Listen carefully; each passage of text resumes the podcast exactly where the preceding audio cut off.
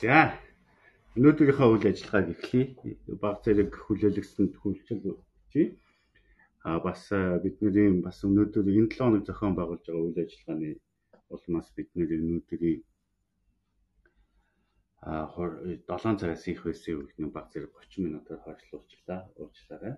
Тэгээ эрдэнэ зулдаа бас энэ бидний хүсэлтийг хүлээж авсан баярлалаа. Тэгээд Монголын геомэдэлийн холбооноос лав гараг бүр зохион байгуулж байгаа Geotalk маань өнөөдөр дэлхийн байршил тогтоогч хиймэл дагуулуудын системийн хэрэглээ түүнийг судалгаан дээр хэрэгжилж байгаа тухай докторант Эрдэнэ зул одоо геофизикийн хүрээлэнгийн судлаач маань та бүхэн танилцуулахаар өөрөөр оролцуулсан байгаа. Тэгээд бас энэ үйл ажиллагаа маань яагаад өнөөдөр бид нар онцлог а энэ 7 хоногт манай Монголын геометрийн холбооноос дэлхийн сансар судлалын нэгдсэн үндэсний байгууллагын сансрын асуудал эрхэлсэн албатай хамтраад дэлхийн байршил зохиогчийн инсийн хэрэглээний тухай олон улсын хурал зөвлөгөөний зохион байгуулж байгаа. Тэгэхээр энэ үйл ажиллагаатай уялдуулж өнөөдөр ертөнц улс судлаачийг өөрийнхөө судалгаагийг танилцуулж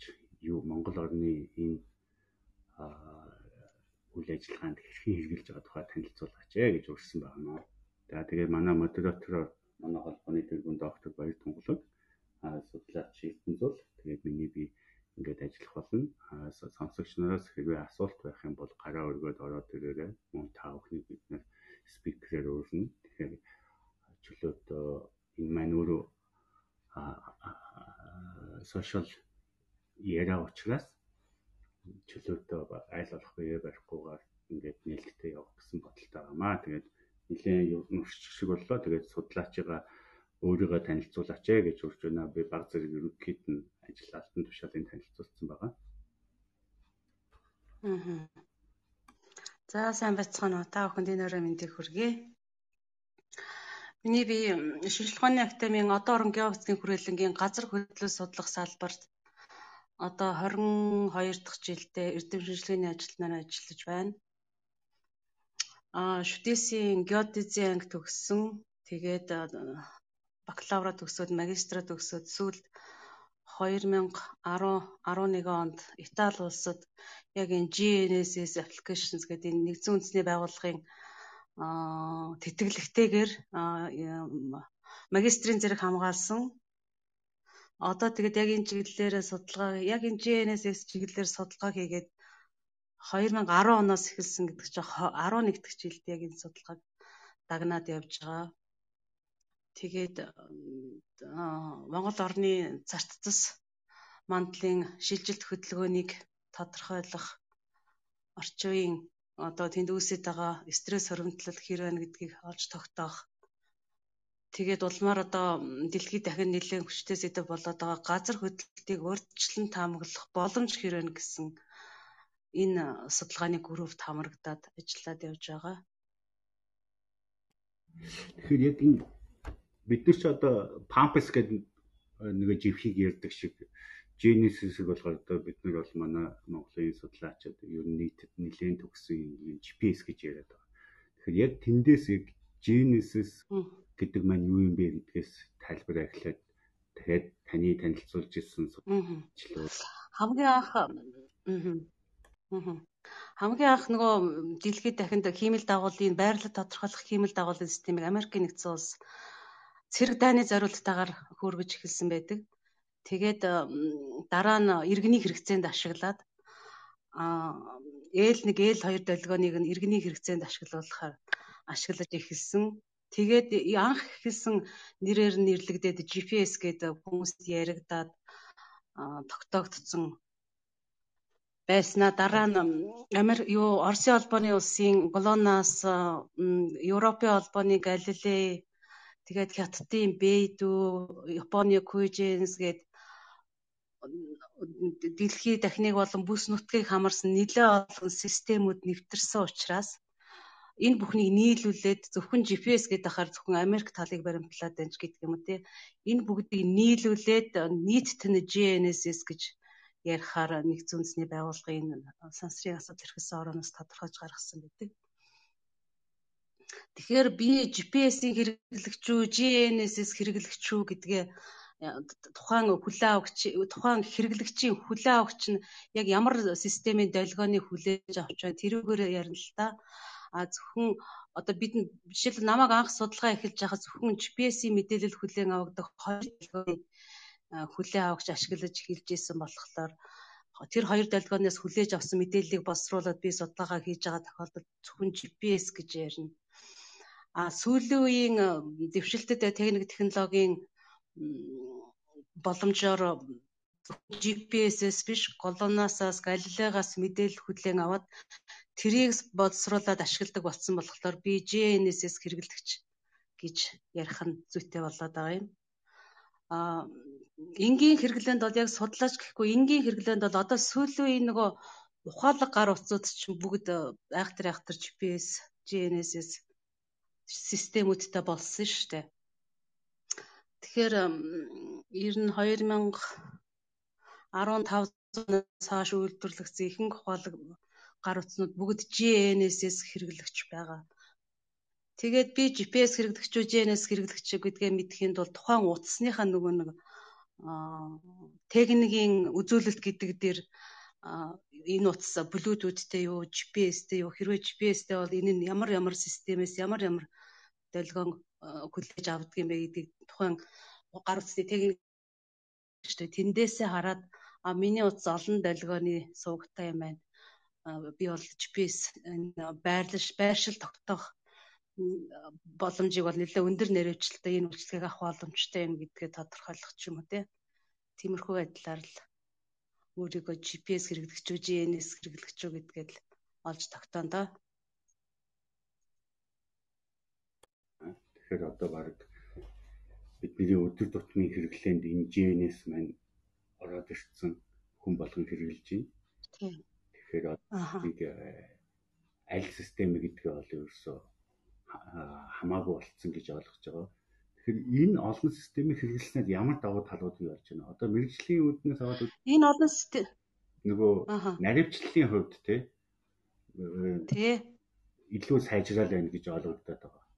Тийм, ерөөсөө л наривчлал байхгүй юу? Одоо жишээлбэл би өөрийнхөө кейс дээр хэлэхэд анх судалгааны ажлыг эхэлж хахад бидний судалгааны хээрийн хэмжилтийн цэгүүч нэгээр хаданд зооцсон жижигхэн нэг эрхийн урууны талончны маркер байгаа шүү дээ. Тэр маркераа олоход анх ингээд нэг Garmin энэ төр гээд нэг шар мар гарч би эсүүд байсан да тэр утас байгааг. Тэгээд тэр утсаар нөгөө навигашн хийгээд нөгөө хээрийнхаа хэмжилтийн цэгийг олохын тулд одоо хэрвээ би өмнө нь тэр цэг дээр очиж байгаагүй тэнд цэг байдаг гэдгийг мэдээд а координат нь бол наривчлаад боловсруулагдсан. Тэгээд координата хийгээд явхад тухайн цэг дээр олох гэж тухайн цэг маань одоо 2-оос 3 метрийн зайд заадаг болохоор тухайн цэгээ олох гэж нэлээд баг зарим нарыг хонон өнжин хайдаг энэ төр байсан. А сүүлийн үед бол надад тийм давхар тийм гарч биес хэрэггүй зөвхөн ухаалаг гар утсан дээрээ цэгээ оруулаад хайхад ерөөсөө л нэг метр доторх нэрвчлэлтэй тухайн цэгийг маань олж өгч байгаа байхгүй. Тэг тэгээд одоо сүүлийн энэ Google Map Enter гэдэг янз бүрийн аппликейшнуд болцсон хөдөө гадаа явах юм уу хаашаач явах юм уу тухайн очих газрынхаа цэгийн координатыг аваад тэгээд тэрийгэ утсан дээрээ хийгээд навигашн хийгээ явхад л ямар ч төөрх барих асуудалгүй их нэлээд дэвшилтэд үйлчлэгээ болцсон байгаа шүү дээ. Одоо энэ GNSS байршил тогтоох хэмэл дагуулын хэрэглээ маань ер нь бүх төрлийн үйлдвэрлэл бүх төрлийн хэрэглээнд нь нэвтэрсэн. Манайхан одоо сүүлийн залуучууд айхтар болсон юм шиг бүгд яг яг хэрэглээд л явж байгаа гэж бодож байгаа шүү дээ. Гэхдээ яг энэтэй холбоотойгоор яг өөрөө чи орж ирэх хооронд манай энэ сая сонсогч зүгээр юм юм бэ? Зүгээр л сэтгэл. Зээ зээ юм. Конттой хүмүүс асууж ирсэн яг Google Map-тай холбоотой тийм асуултанд баяр хариулчих шиг болсон зөв зүгээр ээ Аа би болохоор ингэсэн нэр Google Map-ыг нээгээд за Google Map-ыг нээчээд яг одоо би яг хаана байгаа вэ гэхээр нэг миний байршлыг ингээд Google Map дээр ингээд зааж өгдөг дээ. Тэр маань болохоор ингээд хэдэн секундын зайтай ч юм ингээд интервалаар ингээд энэ тэнд энэ тэнд одоо би яг зангууд замын урд нэг гараал замын хойно нэг гараал дахиад өндөр байшин дээр 10 давхар заах юм бол дахиад бүр шал өөр газар заах ч юм уу. Ийм гараад байгаа байхгүй. Энэ асуудлыг яаж шийдвэл энэ шийдэгдэх боломжтой юу гэсэн дээрээсээ. Аа яг GNSS-ийн хувьд indoor outdoor гэдээ яригддаг л да байшин дотор нөгөө хиймэл дагуулаас мэдээ хүлээн авах боломжгүй боломж нөхцөл хомос тийм орчин а задгаа талбайд бол арай илүү олон сигнал олон хиймэл дагуулаас мэдээлэл хүлээн авах тусам таны байршил нэрвчлэгдэнэ а байшин дотор юм уу эсвэл өндөр байшингийн хажууд эсвэл одоо ой модон дотор ч юм уу хиймэл дагуулаас мэдээ хүлээн авах боломж хомс тийм нөхцөлд бол таны байршил тэгж өсрөх байх найз зан өсрөнөлтэй ирнэ. Тэгээд миний туршлага гэвэл энэ зун би одоо газар хөдлөл болсон ханхын орионд ажиллалаа. Аа Дорнод Монгол нөгөө нефт олборлолттой холбоотойгоор Индусэс Seismicity хүний гараар үүссэн газар хөдлөлт их бүртгэдэд байгаа. Тэр орчинд ажиллаа. Тэгвэл би яг тэр очих газрынхаа цэгийг хийгээд тэгвэл сүлжээтэй орчинд сүлжээтэй орчинд очих газрынхаа цэгийг хийгээд өөрийнхөө байрлалыг хийгээд тэгээд Google Map яг бүрэн хэмжээгээр уншуулад тэгээд гарах сүлжээгөө орчинд GPS юу нөгөө сервис мобайл сервис маань унтарч штэ сүлжээгөө А гэтэл GPS-ээ нээлттэй байхад тохиолдол бол GPS маань өөрөө navigation заагаад ямар ч асуудалгүй хүрэх газараа хүрчихэж байгаа байхгүй юу.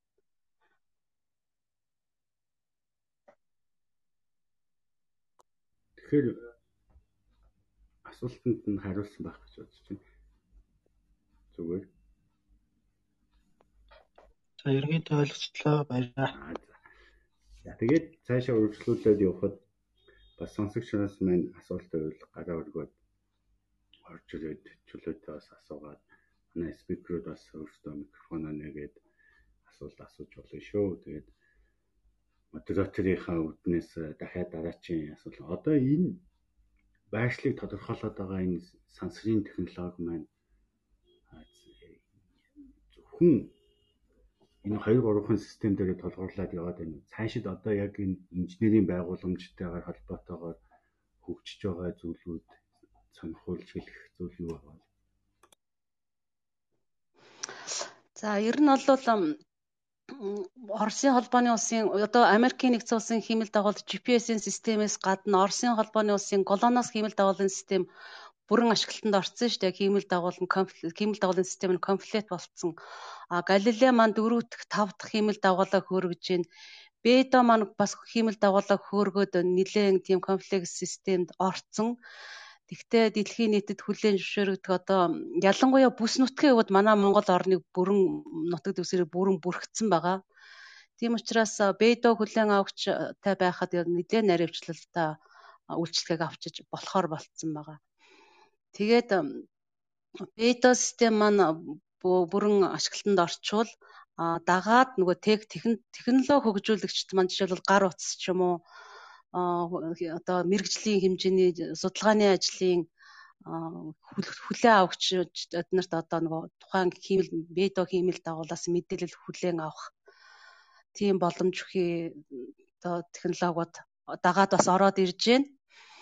А хуучин GPS маань зөвхөн GCR гэдэг нөгөө юу сигнал чинь а голоноос болохоор CDMA гэдэг тэр кодуудыг ашигладаг байсан. Иннээс болоод хүлээ авахч маань зөвхөн GCM системийг хүлээж авах уу, CDMA системийг хүлээж авах уу гэдэг тийм асуудал өмнө нь байсан. Одоо сүүлийн үеийн хүлээ авахчуд, сүүлийн үеийн энэ ухаалаг гар утсууд бол бүгд GCM систем болон CDMA сигналуудыг аль алийг нь хүлээж авч байгаа учраас наривчлал ерөөсөө аль болох олон хиймэл дагуулаас мэдээлэл авна тэр тоогоор наривчлал маш сайн юу яаж өгнө хангагдаж өгнө тэгээд яг энэ GNS байрлал тогтоох хиймэл дагуулын энэ системийг GNS системийг ашиглаад хэрэглээнүүд маань бас бас их энэ хиймэл дагуулын систем сайжрах тусам хэрэглээнүүд маань бас их наривчлагдаж байна л да. Одоо жишээлбэл миний хувьд гэхэд газрын царцсан шилжилт хөдөлгөөнийг биднэрт бидний өдөр тутмын үйл ажиллагаанд хэрэглэгдэхгүй байгаа ч гэсэн газрын царцас мандал маань доогоороо нөгөө маант маань шингэн хайлмаг маант маань байнгын урсгал хөдөлгөөнд байдаг. Тэгээд энэ энэ маань одоо бидний энэ алхаж гიშгэж явж байгаа цаарцсан мандлыг бас байнгын хөдөлгөөнд байлгадаг. А энэ хөдөлгөөн нь болохоор жилд одоо миллиметрийн наривчлалтаа хөдөлдөг. А энэ миллиметрийн наривчлалтаа хөдөлгөөнийг барьж авахд хангалттай тийм өндөр чанарын тийм хүлээ авагчуд маань бас бий болчоод бидний судалгааны ашиглалд ажилд ашиглагдаж байна. А үүнээс гадна өндөр барилга одоо манай Улаанбаатар хотод маань их баригдаад байгаа 16 давхар 20 давхар өндөр барилгуудыг бас хяндаг. Өндөр барилгын орой дээр GPS хиймэл дагуулаа хүлээ авагчаа байрлуулчаад а тогтмол одоо мэдээллийг нь боловсруулснаар энэхүү өндөр барилга маань хаашаа хазааж байна одоо инженерийн барилга байгууламж хаашаа хазааж байна одоо ямар нэгэн тогтвортой байдалтай байна уу эсвэл дээшээ доошо хөрсний суулт өгч гин үү гэдгийг нь бас байнга хянах боломжтой тийм хяндаг тийм хэрэглээ бас гарцсан. А мөн гүүрэн байгууламжийг бас хянж байгаа. Гүүрэн байгууламжн дээр хүлээ авагчаа байрлуулад тухайн гүүрний одоо муугар утгатай нурах магадлал хэр байна гэдгийг бас хяндаг тийм хяндаг бас хэрэглээ бий болцсон. А мэдээж хэрэг зам тээвэр одоо хот хоорондын автобусууд нүүрс тээврийн бензин тийм том аврын тээврийн машинууд тэгээд бид нар ч гэсэн өөрсдийнхөө өдөр тутмын хэрэглээнд хэрэгжилж байгаа маань цаашдаа бас бидний амьдралын аюулгүй байдалд маш хэрэгтэй асуудал байгаа. А ийм хүн хаана явж байгаад аюул аваарт өртчүү хаана явж байгаад янз бүрийн асуудалд орж уу гэдгийг нь маш амархнаар мэдэх тийм боломжтой байдаг. Тэгэхээр ер нь хиймэл дагуулын сүлжээ сайжрах тусам бидний хэрэглээ бас бидний аюулгүй байд бас тэр хэмжээгээр хангагдаж гэн гэсэн үг л дээ. Тэгэхээр одоо энэ яг яран дээр үндэслэж өөрчлөлөхөд одоо бидний түгээмэл одоо үед орж ирж байгаа дроны хэрэглээ маань бас энэ GNS системт нэлээд холбогдож ашиглагдж байгаа. Тэр тал дээр бас нэмэлт Тийм дорооны хэрэглээ за зүгээр одоо юуны рекламны гэх юм уу ямар хэрэглээ хэмтэй зүгээр нэг газар орныг харуулах гэж байгаа нэг тиймэрхүү энгийн хэрэглээний дроонод бол нэг GNSS-ийг ашиглахгүй байх шиг байгаа. А яг бас яг нөгөө өндөр наривчлалтай судалгааны хэрэглээний дроонууд болохоор бас яг GPS, GNSS-ээр навигашн хийгээд тухайн газрыг одоо тухайн тэр GNSS систем GNSS хүлээн авах суур нэг газар суурлуулад тэрийгэ референс олгоод а тэрнтэй харьцангуйгаар би энэ газар явж гин тэр газар явж гин гэдэг мэдээлэлээ бас боловсруулж өгдөг болцсон байна лээ. А сүүлийн үеийн дороонууд голдуу тийм GNSS-тэй харьцангуйгаар байрлалаа тодорхойлоод тэгээд тухайн одоо хэмжилт зураглал хийсэн тухайн бичлэг хийсэн газруудынхаа мэдээллийг энэ цаашлаад энэ нөгөө жишээлбэл наазах нь Google Map Google Map Google Google Earth дээр холбож өгөх боломжтой болсон байхгүй юу? Яг энэ газрын энэ хэсэгт би хэмжилт хийсэн байна. Энэ газарт би байсан байна. Энэ газарт би зураглал хийсэн байна. Видео хийсэн байна гэдгээ одоо Google Map тэр одоо газрын системтэй холбож өгөхөд GNSS маань бүрэн ашиглагддаг болцсон байгаа. RTK гэж их яригдаад байгаа шүү дээ. DJI-ийн дроонууд RTK-ийг сурлаад.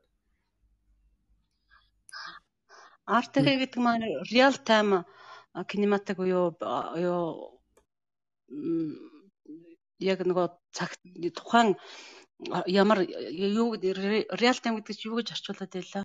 Хугацааны. Бодит цаг хугацааны. Аа тийм бодит цаг хугацааны. Бодит цаг хугацааны хэмжилт хийхэд ашиглаад байгаа. Бодит цаг хугацааны хэмжилт хийх нөгөө differential correction хийж байгаа. Бодит цаг хугацааны хэмжилт хийж байгаагийн гол утга нь яг тухайн моменттой differential correction хийгээд явж байгаа учраас наривчлалаа бүр маш сайн хангаж өгч байгаа гэсэн үг байхгүй. Тэгэхээр different RTK хэмжилт хийж байгаа RTK үйлчлэгээ авч байгаа тохиолдолд дараа нь боловсруулах юм байхгүй. Яг тухайн бодит хугацаанд тухайн наривчлалаа аваад тухайн үйлчлэгээ аваад тэгээд явж гин гэсэн. А RTK-гаас гадна бас статик хэмжилт гэж байдаг л да. Статик хэмжилт болохоор тухайн газараа 30 минутаас дээш юм уу одоо хиймэл дагуулууд маань хөдөлж байна. А нөгөө төтөөгөр бидний доорх дэлхийн маань бас царцас мандал маань бас хөдөлж байна. Тэгээд яг энэ хоёр хөдөлгөөнийг илүү тогтвортой байлгахын тулд доотлол дээдл нь одоо геодинамикийн судалгаанд дээдл нь 42 цаг 48 цаг тогтвортой нэг газар байж иж энэ бүх хөдөлгөөний математик дунджийг олж тодорхойлсноор бүр миллиметрийн наривчлалттай хэмжилт хөдөлгөөнийг барьж авах боломжтой байдаг байдаг байгаа. А яг тийм судалгааны биш одоо бидний өдөр тутмын амьдралд бол Монгол орн дээр одоо геодезрекцийн газар бүх аймгийн төвүүдэд GNSS хүлээн авахчудаа байрлуулсан байгаа. Дээр нь нэмээд бас тодорхой сумдуудад бас байрлуулсан байгаа. Тэгээд дээр нь энэ геодезрекцийн газар маань энэ бүх системээ онлайнаар RTK хэрэглээг бүрэн хангацсан гэж би ойлгож байгаа. Би өөрөө яг тийм RTK-г яг хэрэглэж үзээг болохоор сайн мэдэхгүй байна. А тэгвэл ингээд хараад үзээ сонсоод байхад бид нар бол RTK хэрэглээг бүрэн хангацсан байдаг юм байна гэж ойлгож байгаа. Тэгэхээр аа тухайн байршилд core станц буюу байнгын станц байна уу гэдгээ олоод тэгээд тухай тэр станцтайгаа холбогдож чадвал RTK хэрэглээгээд бүрэн хангаж тэгээд өндөр нэрвчлэлтэй байрлал тогтоож болно гэсэн үг. Энтэй холбоотойгоор одоо сүүлийн үед маш их э, технологийн дэвшил гараад одоо бүр сая өөрөө чинь дурдсан гар утаснууд маань ялангуяа манай урд хөршөд үйлдвэрлэсэн утсууд маань малтиженээс болцсон байгаа. Тэгэхээр энэ жижиг мобайл төхөөрөмжүүдийг ашиглаад одоо статистик хэмжилтүүдийг хийх аргачлалууд Android үйлдвэрлэлийн систем дээр бүр програмууд гарч ирээд байгаа. Энэ дээр өөрөө чинь бодол өөр нь ямар хөө байдаг вэ? Одоо uBlocks ч юм Android утсан дээр байгаа хятад утаснууд чинь бол ганц GPS-ээр хязгаарлалтгүй бэдүүгаач авчиж чинь бусад системүүдээ ч гэсэн аваад байгаа. Голооноос гарилгаач авчиж байгаа тий. Аа. Аа, статик хэмжилт хийхэд яг тухайн нэг байрлалд ямар ч хөдөлгөөнгүйгээр доотлол нь 30 минут байх хэрэгтэй байхгүй юу? Тэгэхээр одоо тухайн референс тухайн яг хэмжилт хийх гэж байгаа цэг дээр цэгийнхаа яг төвийг олоод гар утсанд утсаар яг тухайн цэгийн төвийг олох гэхээр би бас нэг сайн төсөөлж өгөхгүй байна. А зүгээр яг аа одоо жишээлбэл яг манай дээр хэрэгждэг нэг гравиметрийн судалгаа гэж байдаг. Би одоо яг төсөө бодсон чинь гравиметрийн судалгаан дээр яг байрлал бол нэг тийм айхтар өндөр миллиметрийн интер наривчлал хэрэггүй. А өндөр бол биднэрт хэрэгтэй гэдэг. Тэгэхээр тухайн цэг дээр одоо ухаалаг утсаа тавиад 30 минут тавиад тэгээд тэр бүх математик дунджийг нь олоод тэрийг ажиллаад явах боломжтой байх болов уу гэж сая гинт бодогдчихлоо.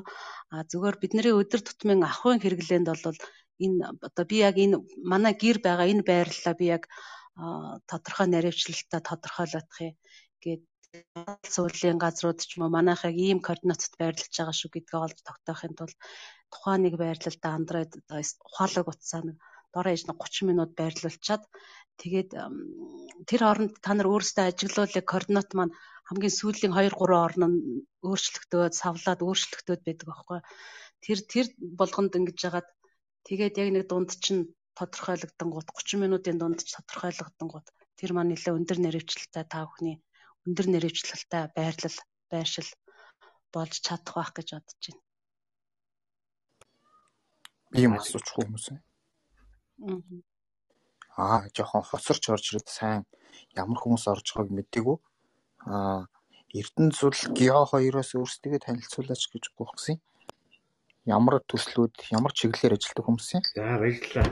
Түрүү нэрээ яг модераторын даваа эрхийг ашиглаад өөрөө ясарга таарчих болоо. Манай одоо гео мэдээллийн холбоо гэдэг төрлийн бас байгууллага байна. Тэгээд энэ цаг тахалтай холбоотойгоор бид нэ өөрсдийн үйл ажиллагаануудыг танхимын үйл ажиллагаа хийж болохгүй учраас энэ виртуал гориг руу шилжүүлээд job webinar job talk гэсэн үйл ажиллагаа хийж байгаа. Тэгээ манай Монголын геомэдэлийн холбооны тэргүүн маань доктор Батбаяр Тонголо Бат сайхан гэдэг энэ сонсогч бас модератор маань байна.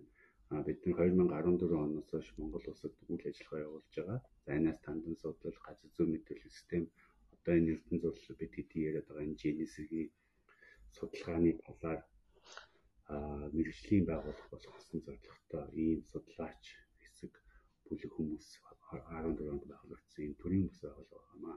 Тэгээ манай аа өнөөдөр 3 өдөр болгон жоохон чанга 3 өдөр болгон бид нэр энэ Jotalk гэдэг яриаг хийж байгаа. Тэгээ өнөөдрийн сэдв байна энэ дэлхийн байршил тогтоох хиймэл дагуулуудын систем буюу Genesis судалгаа хэрэглээний дахаар судлаач энэ шинжлэх ухааны академи одоон геовизгийн хүрээлэнгийн эрдэм шинжилгээний ажилтан докторант Эрдэнэ зулыг урьж оролцуулаад ярьж байгаа маа. Тэгээд нэмэлт танилцуулга нь Эрдэнэ зул хэлэх бах. Тэгээд цаашаа үргэлжлүүлье.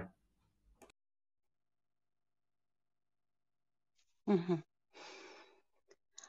Одоо яг энэ өдрүүдэд Монгол улсад маань нэгдсэн үндэсний байгууллага Монголын геомэдээллийн холбоо Монгол улсын хамтарсан GNSS хэрэглээний талаар яг олон улсын хурал онлайнаар маш амжилттай зохион байгуулагдаж байна. А энэ нэгдсэн үндэсний байгууллага байгууллагын сансрын асуудал эрхэлсэн хороо маань одоо энэ GNSS хэрэглэгч одоо үйлдвэрлэгч хөгжүүлэгч гэх мэт улсуудыг хооронд нь холбож өгч тэдний одоо яг одоогийн байгаа төвшин ирээдүйн зорилтод төвшин дээр нь хэрэглэгчдийн бодит хэрэглээ тэдний дадлага туршлагыг харуулсан ийм хурлыг жилд нэг удаа зохион байгуулдаг. Тэгээд энэ удаагийн хурал маань Улаанбаатар хот Монгол улсад онлайнаар зохион байгуулагдаж байна. А энэний өмнөх одоо 2018, 16 онуудад 17, 8 онуудад зохион байгуулагдсан хурлуудад хурлуудад би өөрөө очиж оролцож исэн. Яг ингээд тухайн хурлын танхимд бол өсрээд нэг 30 40 хүн нээлтийн өдөр нэг 50-аад хүн тэгээд 30 40 хүн өдөр тутамдаа суусан орж гарсан иймэрхүү байдалтай байдаг ус. Яг одоо нь өчигдөр уржигдөр өчигдөр өнөөдрийн хурлуудыг хараад байхад ер нь 100 хүн голдоо байгаад байна. Тэгэхээр яг маш их өргөн хүмүүсийн сонирхлыг татсан, өргөн цар хүрээг хамарсан ийм хурал болж байна. Энэ нь бас онлайн хурлын бас нэгэн даваа тал юм уу да гэж харж харж ирсэн, бодож байна. Тэгээд түрүүчийн хүний асуултанд хариулахад GNSS судалгаагаар GNSS-ийг хэрэглээд геодинамик судалгаа буюу дэлхийн царцсас мандал маань хэрий хэр хэмжээгээр жилд ямар хэмжээгээр хаашаа яаж хөдлөж гэнэ гэдгийг нь олж тогтоох зорилготой судалгаа хийдэг. Би өөрөө одоорн геовизээс хүрээлэнгийн газар хөдлөлт судлах салбарын эрдэмшилгээний ажилтан хүн байна. За баярлалаа. Би геологч юм байгаамаа. Тэгээд нэлийн сонирхолтой сэдв байна. Аа юу айгүй олон тодорхойгүй юмнуудын саяны ярианаас гараад ирлээ л дээ. Би болохоор жоохон дээр үеийн динозавр төрлийн хүн байна л да. Хоцорсон жишээ нь би бол GPS гэдэг юм чинь 12 дагуул тойрч иргэдэг гэдгийг мэдчихээн. Тэгээд мэдээлэлээ аваад цаг тэгээд туулсан замаар нь хитэн дагуул авч байгахад унджаар ингээ байршил тогтоодгийг мэдчихээн. Одоо энэ бусад Галилео гэж байна те Хятадын гэж байна, Оросын гэж байна. Миний санахаар хиймэл дагуул гурван янз байдаг тийм үү? Зарим нь яг цаг хугацаагаар яг орбитороо ингээд дэлхийгээ тойроо иргэдэг. Тийм жишээ GPS-ийг миний санахаар 12 дагуулыг юм өөрийнх нь тойргоор ингээд шидсэн байдаг. Тэгээ ингээд яг тодорхой цаг хурдаар эргэждэг учраас тэднээс өөрсдийнхөө байрлалыг шийдээд байрлалуудын уулзвар дээр геометрээр боловсролт хийж байршил тогтоодог. Аа зарим дагуулууд миний санаж байгаагаар аа юу тухайн яг цэгийнхээ дээр тасралтгүй дэлхийгээ тойроод ингээд яг иргэдэг тийм төрлийн дагуул байдаг. Тэр хоёрын холимог үйдэг гэж санаж байна. Эндхийн дурдсан системүүд чинь яг ямар ямар төрлийн тэгээд байршил тогтооход за да байршил гэдгийг дараа нь явагдах яг тэр хэсгүүд дээр мэдээлэл айгу тасарцсан хоцорсон юм байна. Ааха. Аа ер нь бол дэлхийн дээрх одоо дэлхийг тойроо 3 янзын тойрог замаар хиймэл дагуулууд эргэлдэж байдаг. А хамгийн ихнийх нь low aired буюу одоо энэ харилцаа холбоо мэдээлэл бидний хэрэглээд байгаа интернет энтрийг ийм хэрэглээг хангадаг хиймэл дагуул маань дэлхийдээ маш ойрхон тойрон эргэлдэж байдаг.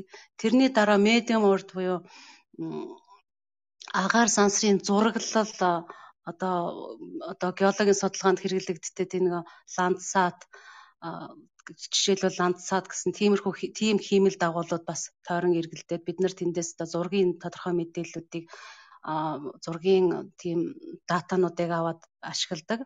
А хамгийн дээдлэлт буюу нөө байрлал тогтоох хиймэл дагуул маань дэлхийгээс 22 мянган километрийн өндөрт бас 12 12 өөрөө 12 гэж байна 12 тойрог зам дээр 34 хиймэл дагуул зөвхөн GPS-ийн системд 34 хиймэл дагуул эргэлдэж байдаг.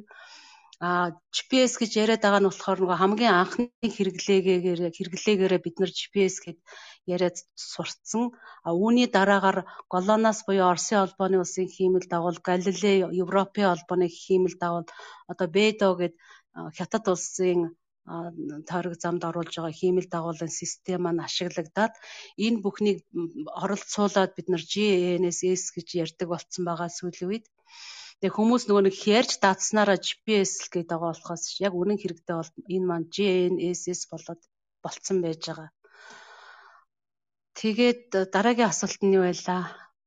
Нийлээд хэдэн дагуул бах вэ? Одоо жишээ нь дээхэн үеийн Garmin 76 юм асаахлаар нөгөө юунууд гэхээ холбогдох гээд ингээд юу дагуулуудаа тоолол ингээд байж идэг шлээ. Тэгээд аа зөв зөв тэр Garmin гэ дээр үеийн тэр нөгөө гар GPS чинь одоо доторх суурилсан эд ангид зөвхөн GPS-ийн мэдээлэл хүлээ авахар суурлагдсан. Аа тэгээд дор хаяж 4 5 хиймэл дагуул орж иржээж тэгээ байрлалаа тодорхойлж тодорхойлоод навигашн хийж эхэлдэг штэ. А тэр тоо одоо хэд болцсон юм бол тэр Галилео Тэгээд навигашн хийгээд явахдаа яг бид нөгөө очих газрын маань наривчлалыг одоо 3 м 5 м-ийн наривчлалтай очих газрыг маань зааж өгдөг байсан болвол одоо сүүлийн энэ Галилей Голоноос гээд системүүд бий болсон. А энэ системүүдээс мэдээлэл хүлээн авах төхөөрөмж маань бидний одоо ухаалаг гар утсанд суурлагдсан. А зөвхөн GPS маань 34 хиймэл дагуултай эсвэл энэ дээр нэмээд Голоноос маань бас 30 гаруй хиймэл дагуултай. Галилей бас Бэдо бас ингээд хиймэл дагуулын комплект системүүд дандаа 20 гэд 30 гэдэн хиймэл дагуулуудыг хөөргцэн. Тэгэхээр энэ бүх системүүдээс зөвхөн GPS, GPS-с биш GNSS-с мэдээлэл хүлээж авна гэвэл та нэг дор баг 10 гаруй хиймэл дагуулаас мэдээлэл хүлээн авах боломжтой болчихж байгаа. А тэгээд хиймэл дагуулын тоо олшрох тусам таны байрлал маш өндөр наривчлалтай болно гэсэн үг. Аа за баярлалаа. Айгуу сонирхолтой байна. Аа одоо тэгэнгүүт дээр үед чи одоо нөгөө алтиметр өндрийг авахта GPS авахт ашигладаг шүү дээ. Геологчд бол жишээ нь тэр өндрийг авдаггүй.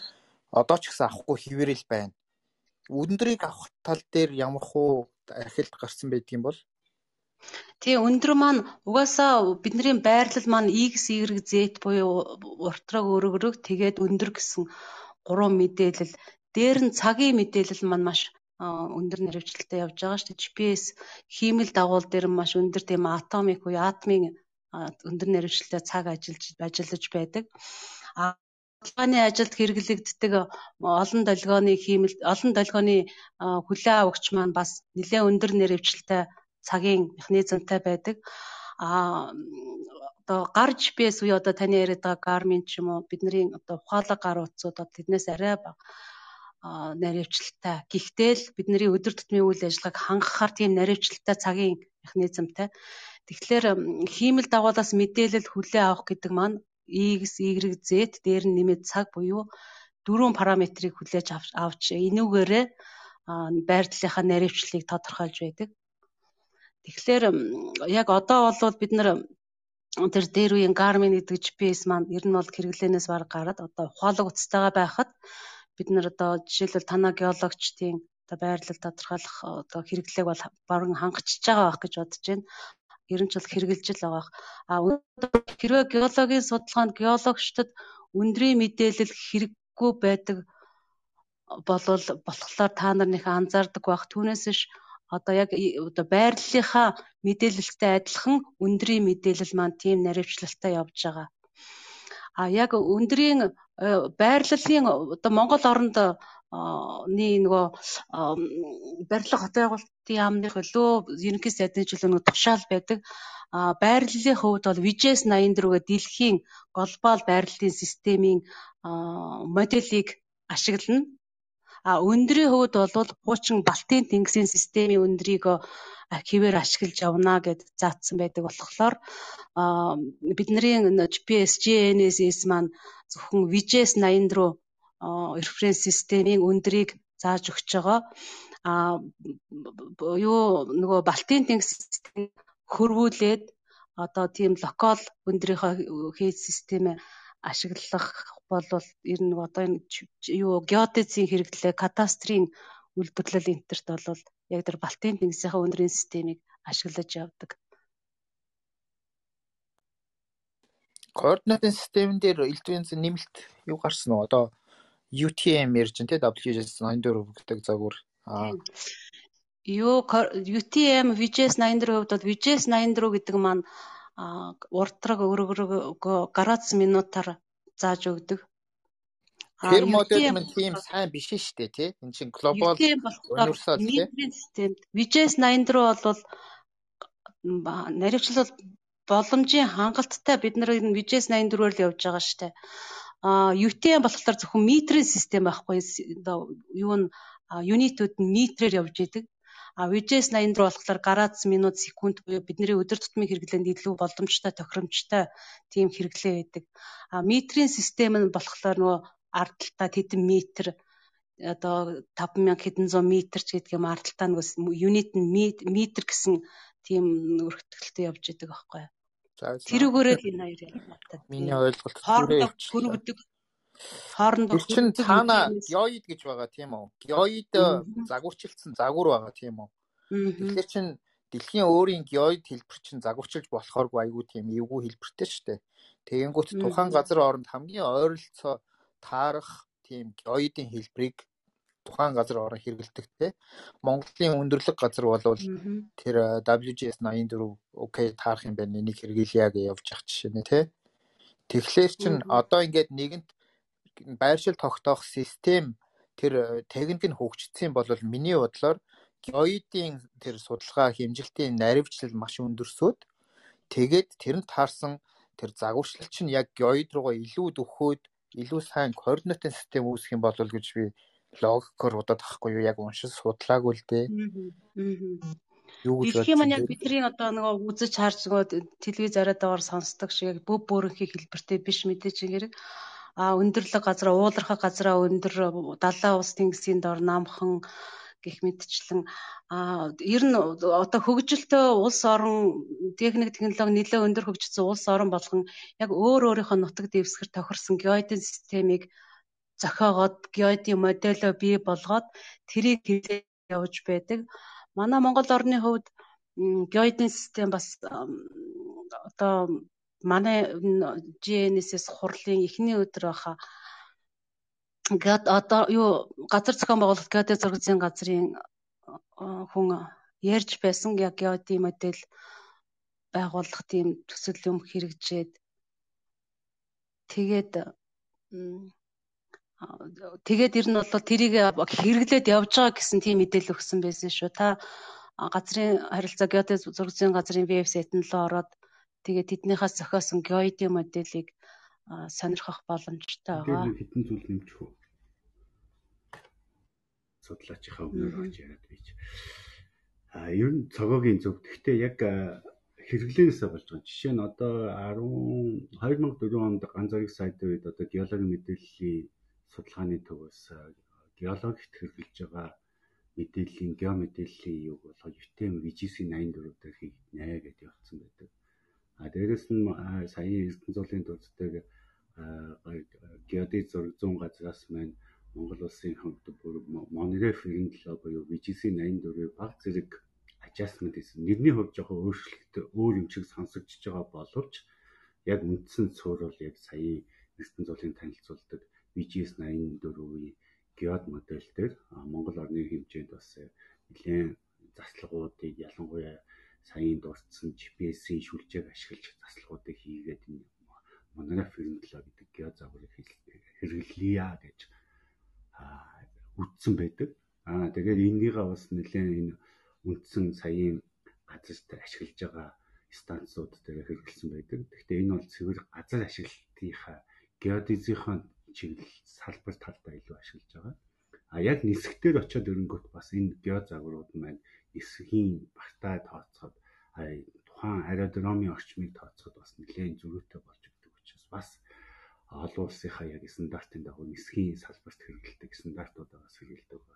За дээрэс нь одоо энэ GNS GPS-тэй суурилсан энэ мэдээллийн геомэдээл төрөд тулгуурлаад аваад үзэх юм бол инжек гэдэг одоо байгаль орчны яамн дээр хэрэгцсэн байгаль орчны мэдээллийн сангийн төсөл төр бас энэ юмнуудыг бас арай өөр хэлбэрээр авч үзсэн байна. Гэхдээ үндсэн нэршлийн хувьд өөр боловч яг виж гэдэг үндсэн систем маань яг цаана явж байгаа шүү. Тэгэхээр яг л сая Эрдэнэ зул судлаач хэлдгээр Монгол улсын хэмжээнд Балтийн системдээс тулгуурласан энэ орон зай мэдээллүүд маань тулгуурлаж явж байгаа. Тэгээ хэрэгжилж байгаа салбараас дээрээс нь одоо бас яг сая Эрдэнэ зул хальт дуурайд өнгөрсөн юу гэвэл тухайн хэрэгжилж байгаа төхөөрөмж чинь та сая өөрөө ч гэсэн дуурсан Garmin-ы төхөөрөмж маань үндсэн дефолт утга нь ямар системийг хэрэгжилж байгаас хамаарат надад утгач юм одоо сүүлийн үед хүчтэй орж ирж байгаа одоо хиттийн янз бүрийн төхөөрөмж би түрүүн бас дурдаад өнгөрсөн хиттийн гар утас одоо жишээ нь Samsung-ийн утсан дээр гэхэд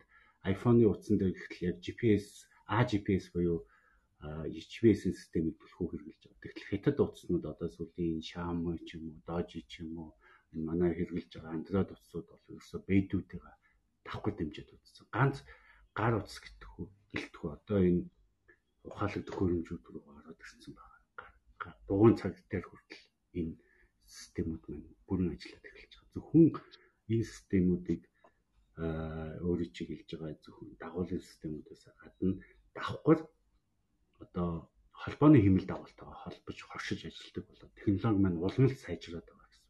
Зөвхөн ухаан өөрийн чинь байгаа орчин дээр байгаа дагуулууд холбогдохоос 4 ч юм уу 5 ч юм уу хэмнэл дагуул холбогдож байгаа юм шиг боловч цаана давхар холбооны хэмнэл дагуулуудын системүүд маань давхар энэ GNS-ийн системтэй холбоотой гэсэн. Ялангуяа энэ тал дээр бол одоо бэйдүү бол нэлээд хүчтэй орж ирж байна. Зөвхөн саяын зул эрдэнэ зулын дууддаг бас өөрөө чиглэдэг шиг дэлхийг тороод ирж байгаа 24 хэмнэл дагуулаас гадна байран 3 хэмнэл дагуулыг яг гео төвшөнд авича тавьсан. Зөвхөн дээр яг ашиглаад ялангуяа эрдэнэ зулын түвний дурдсан Одоо бид нар Genesis ярихад зөвхөн locus яриад байдаг. Цаг хугацааны хувьд буюу цагийг яг хэмжихдээ нь яг тэр гурван станц маань яг аа юу гэдэг нэг time synchronous буюу цагийн наривчлалыг нь бүр яг атомын цагийн юутай холбоо тавьсан. Ингиж наривчлалыг гаргаж өгч байгаа шүү. Яриас гоё болж байна хөөе. За окей. Яг тэр хэсгүүдийг ойлгочлаа. Би ч нөгөө гар утсаа биш GPS ашиглах гэдэг байхгүй юу. Одоо би Австралид байдаг л да. Тэгээд одооны нөгөө залуучууд л гэхлээр GPS үгүй үгүй авч явахгүй гэдэг дандаа гар утснаас ажиллах гэдэг. Миний анзаарснаар манайх гар утсан дээр collector гэж програм хэрэглэдэг те. Бүгдээрээ ArcView, ArcGIS гэдэг програм ашигладаг те. Тэрний гар утсан дээр хувилбар нь collector гэж байдаг. Тэгээд collector аваад гаргахлаар зэрэг яг ойлгохтой ажилтдаг байхгүй юу? GPS шиг найдвартай байдгүй. Тэгээ би бол ойлгохдоо нөгөө сигнал хаана байна тэр сигналуудаас хатууцыг болгоод DGPS шиг ажилтдаг юм байна гэж ойлгож ирсэн. Аа тэгэхээр эсрэг болж таарлаа. Одоо гар утасны хүлээн авагч GPS биш айгүй универсал олон дагуулаас авдаг болцсон юм байна. Тэгэнгүүт та нар яг ийм юунд байгаагийн хувьд гар утаснуудаас ямар нь хамгийн сайн одоо тэр хүлээн авалтан дээр жишээ нь сигналгүй орчинд тэр хатууцыг байхгүй орчинд яаж ажиллаж байна? Тийм сонирхсон судалж үзсэн. Эсвэл та нар өөрсдөө ямар утас барьж байна? Гар утасны хувьд бол нөгөө гар утасны техникийн үзүүлэлт гэдэг байгаа дээ. Одоо жишээлбэл энэ гар утас Bluetooth-тэй юу ямар ямар платформ дээр суурилсан memory-тэй юм уу уртлын камер нь ямар үзүүлэлттэй, хойтлын камер нь ямар үзүүлэлттэй гэсэн тиймэрхүү мэдээллийг агуулсан гар утасны нөгөө юу гэж байдаг штэ. Техникийн үзүүлэлт. Тий, тий. Та тий өөрийнхөө хэрэгжилж байгаа гар утсыг интернетээр хайгаад техникийн үзүүлэлтийг харахад GPS гэж гараад ирэх юм бол тэр гаргахлаар зэрэг энэ одоо зөвхөн А GPS-ээс мэдээлэл хүлээ авч байна. Дээр нь Голоноос Галилеогоос мэдээлэл хүлээ авч байна. гээл харчих юм бол а та та аяндаа ойлгочихно. Их олон системээс мэдээлэл хүлээж авч байгаа учраас окей миний гар утас, миний байршлыг, миний одоо очих байгаа газрыг хангалттай наривчлалтаа зааж өгөх юм байна гэд та гар утсаа ашиглаад явах байхгүй.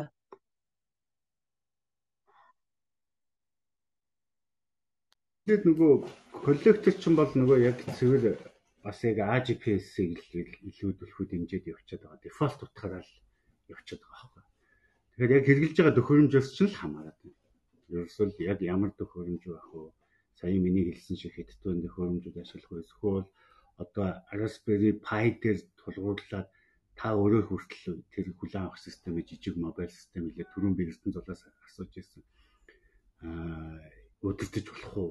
статик хэмжилтүүдийг хийж болох уу? Android дээр ялангуяа нээлттэй их усүрээр тулгуурлаад энэ бүхэл мультиженс руу авч болох програмуудыг одоо програм хөгжүүлэгчид маань өөрсдөө бий болгоод яг хийгээд хэмжээд болж эхэлж байгаа байхгүй. Одоо сүүлийн үед одоо нэлээд low cost receiving system буюу uBlocks гэдэг та интернет дээр харах юм бол яг тэр системүүд нэлээд харагдаж эхэлнэ.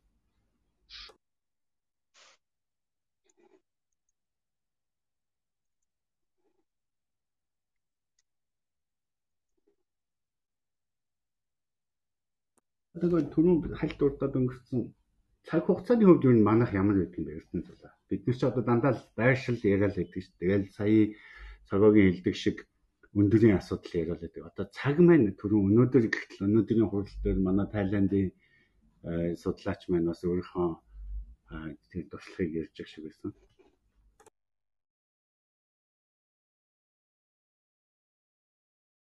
ажиллаж байдаг цаг цагийн цаг хэмжилтийн алба гэдэг нэлээ хит хит оронд байдгийн бэлээ. Жишээлбэл намайг Италид сурч байхад тэнд бас яг тийм цагийн цагийн албатай яг одоо хиймэл дагуулын дээр байрладаг шиг атомик колок атомик атом дээр суурилсан тийм цагийг яг тоолоод так так гэд ингээ явж идэг тийм лаборатори дээр би яг очиж үзэж исэн манай ангийнхан. Тэгээд тэр лаборатори болохоор яг дэлхий одоо дэлхийн цагийг яг дэлхий дээр нэг цаг байгаа шүү дээ. Яг тэр дэлхийн цагийг яг тохируулаад тааруулаад бид нар болохоор цагаа яг өөр өөрсдийнхөө дураар окей одоо 10 болж байна 11 болж байна гэж өөр өөрөөхөө таарах тааруулахгүй яг нөө тэр цагийн цагийн нэгдсэн албанаас гаргаж байгаа тэр цагийг л тохируулаад тааруулаад явж идэг шүү дээ. Яг тэр хэрэглээг хангаж хангаж байгаа нэлээд одоо дэлхийн өөр өөр байрлалуудад тийм яг атомын цаг байрлуулсан тэгээ тэн дээр яг цаг цагуудаа нэгдсэн нэг тохиргоо хийгээд явж идэг тийм албатууд байдаг юм байна лээ. Аа тэр одоо 4 жил нэг удаа нөө лип секунд зөвхөн секундээр өөрчлөлт өөрчлөлтүүдийг хийдэг тэр нь болохоор дэлхийн хөдөлгөөн дэлхийн маань тэнхилгээ эргэж байгаа шүү дээ. Тэнхилгээ эргэхдээ бас тодорхой хэмжээний шилжилт хөдөлгөөнийг хийдэг хийдэг. Тэгээ тэр болгоныг тохируулаад одоо 4 жилд нэг удаа ч юм уу секундын засвар оруулаад явж байдаг. А дэлхий өөрийнхөө нөгөө байгалийнхаа жамаар хөдөлгөөн хийхдээ тэнхлэгээ өөрчилж цагийн системд өөрчлөлт оруулдагаас гадна одоо манай дээр болж дэлхий дээр болж байгаа хүчтэй газар хөдлөлтүүд маань бас дэлхийн тэнхлэгт өөрчлөлт оруулад энэ нь бас нөгөө цагийн системийг өөрчлөх бас нэг үндэс болж өгч идэг би бас судалгааныхаа ажилд урддаг. Манай Монгол орныхоо үед хүчтэй мэдрэгдсэн манай Монгол орн байрлаж байгаа тэр плетийн байршил хөдөлгөөн нэлээд хүчтэй хөдөлгөөн оруулсан 2011 оны Японд бас нэг Тохокугийн газар хөдлөлт гэдэг. Тохокугийн газар хөдлөлтөөр л гэхэд дэлхийн цагийг хэдэн наносекундээр өөрчилсөн. Энийг нь бас яг тэр цагийн одоо цагийн албатууд тодорхойлоод бас энэ цагийн одоо бидний хэрэгжилж байгаа өдөртмийн цагийн одоо бас өөрчлөлтийг засвар өөрчлөлтийг бас оруулсан байж идэг. А хэдийгээр газар хөдлөлтөөр наносекунд маш богино хэмжээгээр цагийн өөрчлөлт орж байгаа ч гэсэн энэ энэ маань бидний өдөр тутмын амьдралд нэг нөлөөлөхгүй унтах босоход бол нэг их нөлөөлөхгүй боловч одоо төв хоорондын хиймэл дагуул хөөргөх одоо төв хоорондын пуужин одоо нөө Марс дээр буулаа, тэнд буулаа гэдэг тиймэрхүү тийм тийм тийм хэрэглээнүүд, тийм аппликейшнуудыг аппликейшнуудад бол маш маш хэрэгтэй байдаг. А түрүүний дурсан нөгөө холбооны хиймэл дагуулбадан лоуерд буюу дэлхий дээр ойрхон нисэж байгаа ч гэсэн өөр дээрээ бас яг нөгөө байршил дээрээсээ дээр талтай байгаа байршил дотох хиймэл дагуулаас мэдээлэл хүлээгдтэй. Тэрүүгээр бас энэ холбооны хиймэл дагуулын байрлалыг бас хангаж явж идэг юм байна лээ. Тэрнтэй чинь холбогдох бол бүр нөгөө бүх GPS голноос ууч чинь кос стейшнуудынхаа цагийг өөрчилсөн санагдчих чинь тий. Аа тий. Time adjustment цагийн алдууд тий цагийн алдууд тий тий time adjustment гэдэг. Тэр нь болохоор 4 жилийн удаа одоо наривчлалыг нь тооцож явж байгаа 4 жилийн удаа тайм ажистмат хийх эсвэл бол хүчтэй газар хөдөлсөн тохиолдолд бол яг тухайн үед нь одоо тэр цагийнхаа засварыг хийх гээд тиймэрхүү үйл ажиллагаа явуулдаг тийм цагийн албатууд дэлхий дээр дөрөв байдаг үлгөө тав байдаг л би яг тухайн үед уншиж ирсэн одоо мартчихжээ. Яг нэг тий яг нэг төрлийн тийм цагийн алба нь яг Италийн Торино хотод ажилтгийг дээр нь бид нар очиж ирсэн сонирхолтой юм бил яг так так гэж цагийг бүр яг хамгийн дэлхий дээрх хамгийн өндөр наривчлалтай цаг бол энэ юм а гэдэг бид нэрийг тэр танхимд оруулах зааж ирсэн. чинь бас safety талаас бол атомын цаг гэж байгаа. Манай улсын хувьд ч стандарт хэмжээ зүүн газар чинь манай цагийг хинж байгаа шүү дээ. Ерөнхийдөө. На доор үзэнээс ингээд яг налдаал танаа хүрээлэнгээс доошоо яг Тий. Бид нар болохоор тийм дод мэдээж хэрэг тэр дэлхийн цагийн албатай холбоотой хамааралтай ажилладаг байх л да. Бидний өдөр тутмын амьдрал бол 1 2 секундыг бол биднийг тоодгүй шүү дээ. Жишээлбэл миний гар утсан дээрх цаг 8:43 зааж яхад машин доторх цаг 8:45 гэж зааж явах юм тий. Ганц 1 2 минут секундыг бол нэг их тоодгүй шүү дээ. А тэр болгоны чинь маш өндөр наривчлалтай зааж нь тэр дэлхийд дэлхийн албатууд. Дээр нь одоо жишээл манай Монгол орны цагийг цагийн наривчлалыг бид нар одоо цагаа яг тохируулсан газрын дээр ингээд урсж байгаа тэр цагтай л очиж яг минут секундээр нь тааруулбал яг л болох нь л дээ. Одоо тэгээд өөрийн судалгааны хувьд царцын судалгаа хийж байгаа. Яг одоо манай Америкийн хувьд ч гэсэн нэлээд сүүлийн хүчтэй одоо он гараад 21 онд бол нэлээд олон газар хөдлөлтүүдийг хүмүүс мэдчихлээ шүү дээ. Тэр талаар бас дурдж болох уу? Тийм тухайн газар хөдлөлтөөр босоо шилжилт явагдаж гин үү хөндлөн буюу хэвтэй шилжилт явагдаж байна уу гэдгээсээ бас нэлээд шалтгаална л да. А босоо шилжилт бол одоо GPS одоо төхөөрөмжөнд бол өндрийн хувьд өөрчлөлт өгсөн харагдана. Хэвтэй шилжилт бол уртраг өргөргийн дагуу өөрчлөлт өгсөн харагдана.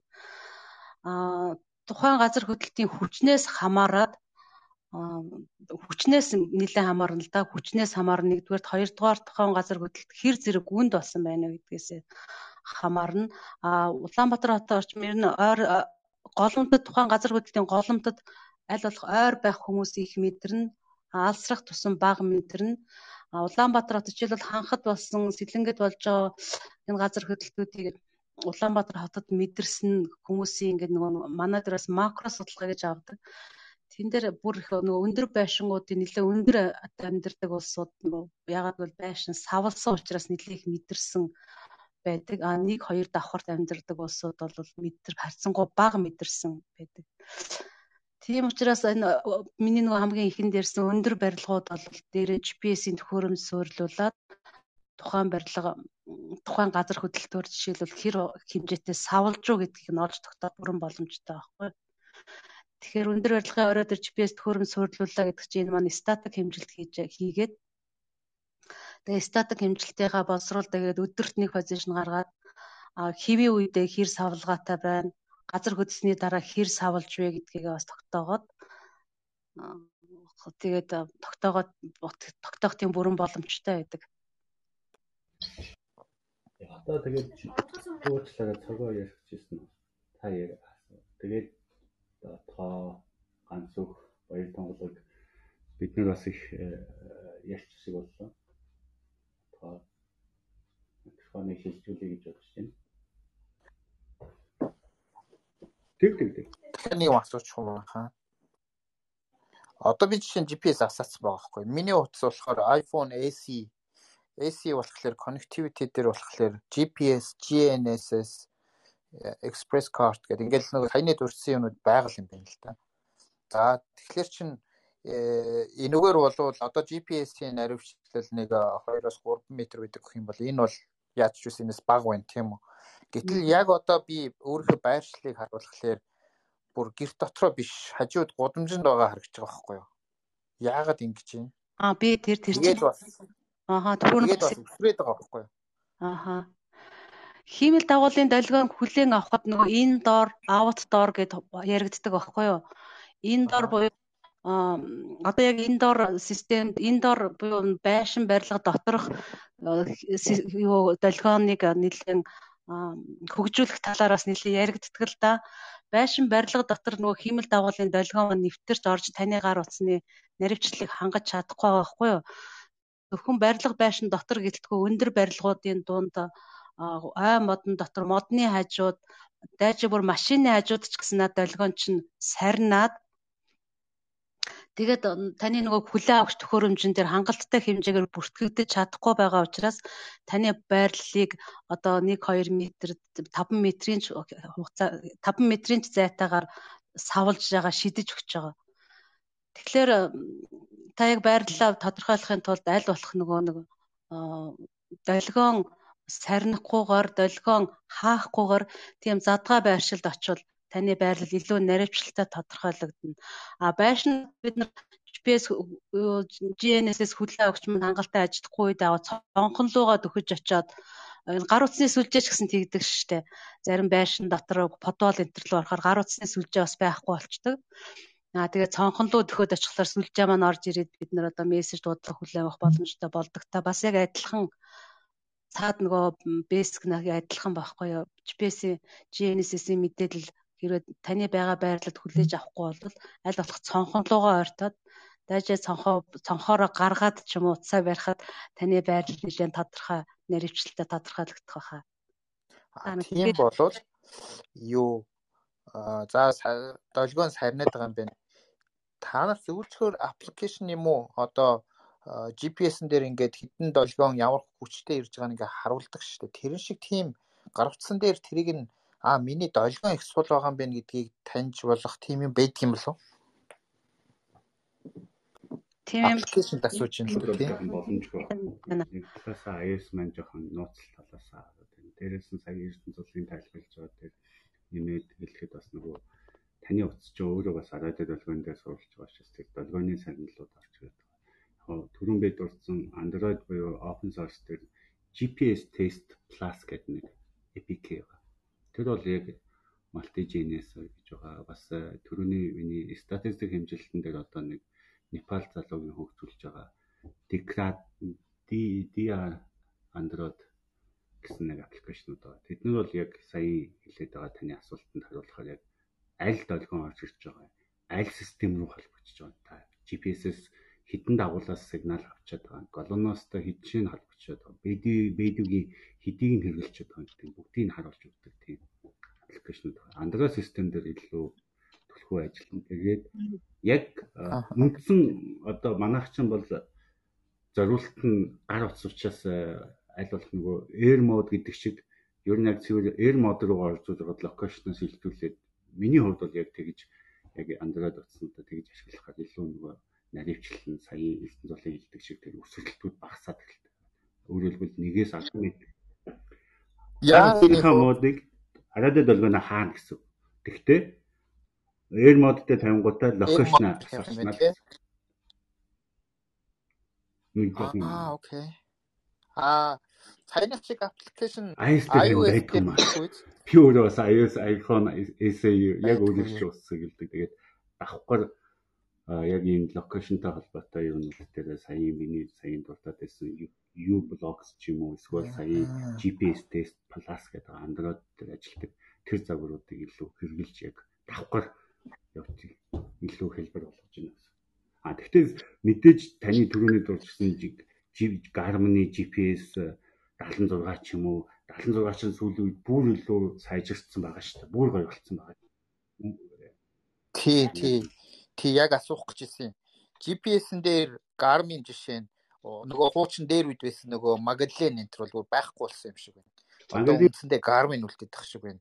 А Garmin одоо гар сайжирч байна уу? Юу шүү дээ. Бугуун цаган дээр шууд Garmin смартвотчууд шууд танд 3 метрийн нэг ажилтаагаар таны локацийг хадгалж, тракийг чинь бичиж чинь яг сүрвэтэй ч арайч холбогдохгүй байх. Гэхдээ KLM-ээр шууд та интернетээр шууд хоорондоо Bluetooth-оор холбоод шууд гар утсан дээр авч ин одоо энэ Samsung-ийн ч юм уу iPhone-ы утаснууд яаж ажиллаж байгааг гэвэл өөр дээрээ GPS байдгүй. А Garmin-ы ухаалаг утаснууд яаж байгааг бол өөр дээрээ яг GPS төхөөрөмжүүд нь байгаа. Учраас илүү наривчлал сайт. Аа, яг бүгд Apple юм Samsung-ийн утаснууд утасны локационоос авч байгаа байхгүй. Тэгтэл чин утас чин өөрөө та техник сая нөгөө Эрдэнэ зулын хэлдэг техник үзүүлэлтийг харах юм бол built-in GPS буюу бусад яг энэ электрон төхөөрөмжн дээр нөгөө үндэслэл хийгдэж байгаа учраас баг зэрэг нөгөө сааталтай гэсэн. Удаашралт нөгөө хугацааны хувьд жоохон удаашралтай л байна л гэсэн. Шууд real time гэдэг төрөний ярьдаг юм гарч ирэхгүй байна гэсэн. Гармны цаг бас авах гад сонирхгүй юу. Тэгээд алин дээр вэ гэд би сүулдэ дими юм бэ болсон байхгүй. Garmin руу ингээ орохлоор нэг юм нэмэлт GPS дэлгэц мэлгэцгүй нэг юм жижигхэн төхөөрөмж. Тэгээ цагаа GPS-ээр ашиглах үедээ тэрнтэй Bluetooth-ээр холбож байгаа. Тэндээсээ GPS хүлээ авах учраас мэдээлэл авах байдлаар ажилдаг юм байлээ. Тэгэхээр Garmin-ы цаг бол өөрөө тийм наривчл сайтай гэдэгт бол та нар уул мэрэгчлээ байгаа юм байна тийм. А яг хөө эдийн засгийн хувьд Garmin-ы цаг бол үнэтэй а жоохон хямдхан дөө гэхээр одоо Xiaomi-гийн смартвотчууд их гоё очиж байгаа. Бүгд сая миний хэлдэг. Garmin болохоор Beidou-с дэмжихгүй байгаа байхгүй. Xiaomi болохоор Beidou-гээ дэмжээд дээрээс нь GPS-ээр дэмжээд Galileo-гээ дэмжээд байгаа гэж байгаа. Одоо Монгол Xiaomi-гийн цагууч нэг 150 мянгаас эхэлж байна. Төгрөгөөр хэмж юм байна. Тэгтэл нөгөө Garmin-ы цагууч чинь нэг сая орчим төгрөгөөр ч юм уу. Тэнцэхэд хоёр өөр өөр Garmin-ы юу гэдэг ямар цаг юм? SQ гэж загвар. Дажгүй сайхан ажиллаж байна. Бүх локациудаа буцаага тэр локацаа би өөрөө KLM юм уу GPX форматаар ангуудаа өөрийнхөө гар утас юм уу саяын бүр нөгөө миний хэлжсэн GPS тест гээд Android дээр ашигладаг аппликейшн руугаа шууд логд хийгээд оруулаад ирж болно. Аха. Яг уу манай тохиолдолд яг миний тохиолдол болохоор ингэж байгаа юм л да. Би өөрөө геологч тэгээд яг уурхай ашиглалтын шатныг явуулах байхгүй юу. Тэгэхээр одоо жишээ нь Claypan гэдэг юу координат системийг өмнөх 80-аад 90-ад оны геологчд хэрэглээд юунуудаа сануулсан байдаг байхгүй юу. Тэгээ репортлцсан. А дараагаар нь Австралч нөгөө MGA гэж өөрийн системтэй, AGD гэж өөрийн системтэй. Тэгээ ингээд системүүд чинь ингээд сайжраа сайжраад хамгийн сүүлд MJ 94 гээд 94 он зохиосон нөгөө моделлоор явж байгаа байхгүй юу. Тэгэхээр одоо нөгөө сегмент яг одоо өрөмдөх сегмент яг өрөмн дээрээ ядаж нэг 3 метрийн дотор барилахгүй бол эн чинь цаана эдийн засаг явж байгаа шүү тий. Нөгөө за алтны нэг судал хатгахчлаа тэгсэн нөгөөх юм аа аваачаа 3 метр зөөчдөг дараачийн координат системтэй хүмүүс ирээд яг мөнгөө зараад ухсан чинь 3 метр зөрчих юм бол яг ухаж байгаа тохиолдолд чинь асар их мөнгөний асуудал яригдэ явчихдаг байхгүй. Тэгэхээр би ингээд наривчлал ингээд судлаад хараад идтгий. Тэгээ би бол одоо хүртэл Garmin-ы GPS-ээ яг э, мэдээж сүүлийн үе их бах бодвол энэ GNSS системийг татдаг болоод тийм юу бах өөрөө ч үнэтэй байдаг болцсон юм билээ. Тэгээд энэ чиглэлээр наваад үзэхлээр та нарын ярианаас би ойлгохдоо гар утас одоо тэр GPS-нээс бол илүү олон юунаас авдаг учраас өндрийн датагаа хүртэл наривчлалтаа сайн өгнө гэж байгаа юм байна тийм. Хөрөмж чинь бас зарим буруу ойлгосон байхаа. Яг тэгэхээр өөрийн чинь саяны нөгөө хэрэгжилж байгаа төхөөрөмж чинь дефолт утга нь юу байхаас л хамаарна. Тэн дээр нөгөө одоо жишээ нь та харсаал байдаг гэж байгаа шүү дээ Австрали чинь өөрөө нөгөө мууч мууч чинь танаа Department of Mineral Resources чи өөрсдөө хэрэглэдэг сая AGM 94 бүгдийг чинь нөгөө системийн тохиргооны утгууд чинь цаанаа дээр тавигдсан байдаг шүү дээ вебсайт дээр. Тэр утгуудыг ашиглаж тэр төхөөрөмжүүдээ кастомайз хийж тохируулах хийнэ л гэсэн үг. Миний бодлоор.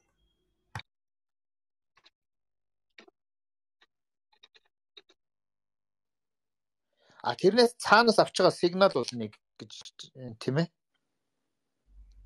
Garmin GPS гар утасны хүлээж авч байгаа хоёр сигнал бол нэг яг тийм хэмэл дагуулгын явуулахуд ирж байна гэсэн үг юм тийм. Дундуур нь орсон шүү. За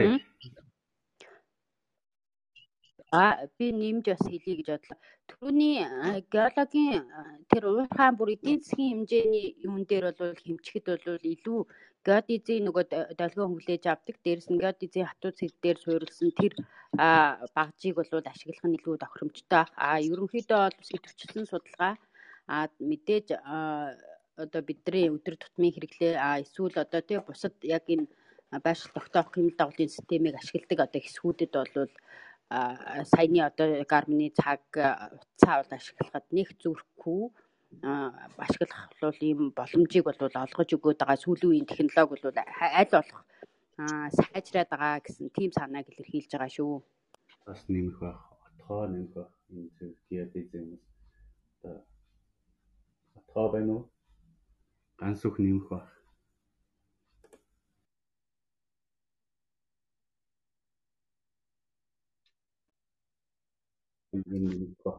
Би нөгөө оролцогчоос Эрдэнэ зулаас юм асуух гээд бодож илээ асуух яг уу.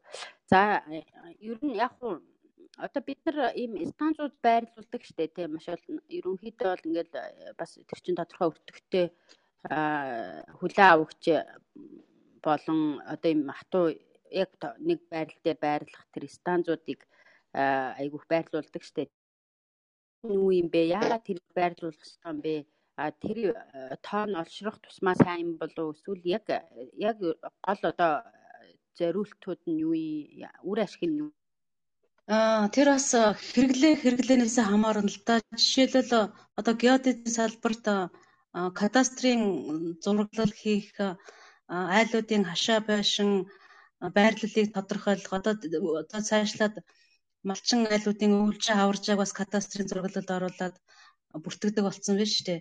Энэ тохиолдолд бас референс цэгээр буюу холбож өгнө гэсэн үг байхгүй тухайн байнгын станцуудыг байнгын станцуудтай холбож байж байрлалынхаа наривчлалыг тодорхойлоод одоо давхцалгүй давхцал гарахад нэг хэрүүл маргаа өсөн шүү дээ. Тийм учраас тэрнээс сэргийлсэн давхцалгүй айд болох наривчл сайтай тийм одоо хүмүүсийн хэрэглээг хангах зорилтоор байнгын станцууд маань сүүлийн үеийн тийм өндөр хэрэглээ болсон манай судалгаа судлаач яг шинжлэх ухааны хэрэглээнд гэвэл нь одоо миллиметрийн наривчлалтай шилжилт хөдөлгөөнийг тодорхойлохын тулд энэ Монгол орон даяар байгуулсан байнгын станцууд маань доотл нь 3 жил ажилласан байжээж миллиметрийн хэмжээний наривчлалыг хангаж өгөх.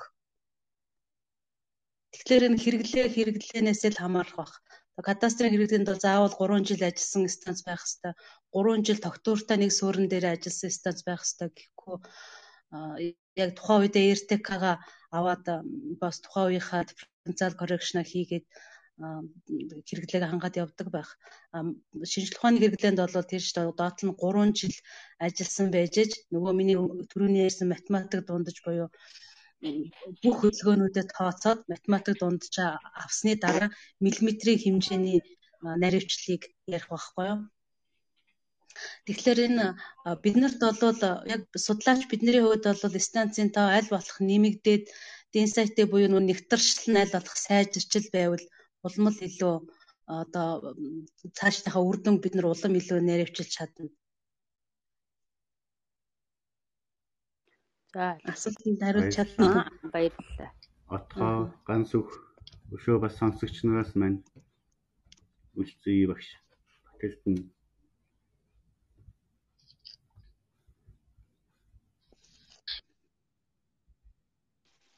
Ер нь бол GNS-с одоо хүн болгоны өдөр тутмын болцсон байгаа гэж бодож байна. Одоо жишээл манайхан 100 ийш тийш их аялдаг болцсон байгаа шүү дээ. Тэгэхээр өөрсдийнхөө замыг трак хийгээд очих газраа саадгүй юугүй төөрөлгүй зөв замаа сонгоод явчих явдаг болсон байх.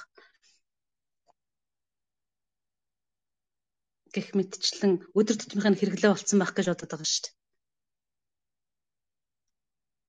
Тийм тийм ер нь бол бид нар маш их хэрэгжилж байгаа өдөр тутамд.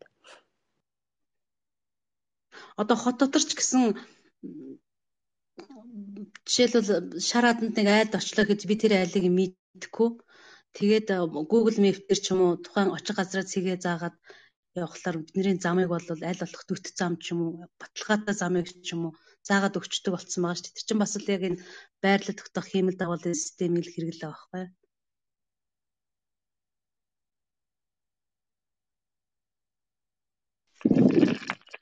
Аа сайхан хэлбэл хэлцүүлээ. Яриа хэмжээнээс олон зүйлийг ойлгож авлаа. Тэгэхэд миний хувьд нэг зүйл тодруулж өгөх гэдэг. Аа хэмжээс бол одоо x y тэглэхийн дагуу тухайн цагийн байршлыг өндөр нэрвчлэлээр тодорхойлж болж байгаа гэдэг чинь аа гадаахын өндрийн хувьд нэг z тэглэхийн хувьд бол тодорхойлоход одоо бүгдээ бүгд тэр нь болохоор геодын загвараас хамаарч байгаа гэсэн үг. Өндрийн хувьд бол яг байрлал тогтоох хиймэл дагуулын хэрэглээний хувьд дэлхийн нийтээр хэрэгэлдэг VGS 84 систем байгаа л да.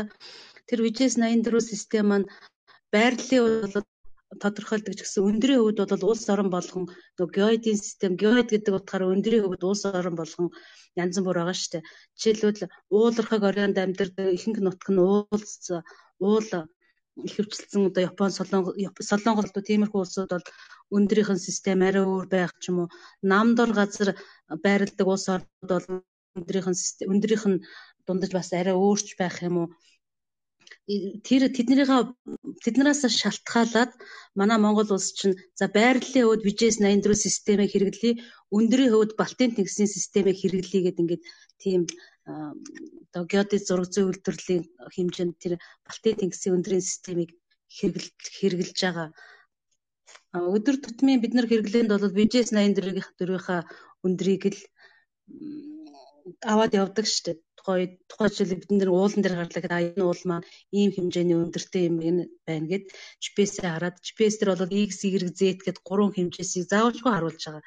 Тэгэхээр одоо би одоо манайх би энэ уулан дээр гарлаа энэ уулан дээр би би одоо тэдэн метр мянган метрийн өндөр дээр ч юм уу 2000 метрийн өндөр дээр ч юм уу гарцсан гэдгийг бол та VGS 84 систем дээр харж байна. А яг тухайн орон нутгийнхаа тухайн Монгол орны байрлаж байгаа нутаг дэвсгэрийн онцлог гэвэл нь Балтийн тэнгисийн системээр явдаг. Балтийн тэнгисийн систем VJS 84 болохоор дэлхийн хамгийн ном нам дор газар хамгийн өндөр уулархаг газар эдрийг оролцуулсан дундаж өндөр байхгүй дундаж өндөр. Тэн дотроо Балтийн тэнгисийн системийн өндөр гэдэг маань манай Монгол орны нутаг дэвсгэрийн дэвсгэрийн тийм өндрийн тогтолцоонд илүү ойр, илүү дөхөө тийм систем байдаг учраас геод зургийн үйлдвэрлэлд Балтийн тэнгисийн системийг голдуу хэрэгэлдэг. Голдууч байгаа. Ер нь Балтийн тэнгисийн системийг хэрэгэлдэг. Тэгэхээр энд бол хоёр өөр өндрийн систем яригадаад байна л да. Тэгэхээр зүгээр нэг өдөр тутмын хэрэглэгч бол VJS 84 системийнхаа өндрөөр явхад бол нэг яагаад авахгүй зөрөөд байхгүй Энэ нь нөгөө глобал систем буюу нөгөө Google Map энтер дээр хангалттай тохирдог ягаад гэхээр тэр маань ч гэсэн бас VJS 84-оор явдаг ш Google Map бидний өдөртөндөө хэрэгдэг Google Map гэдэг дэлхийн нийтийг хамарсан аппликейшнууд маань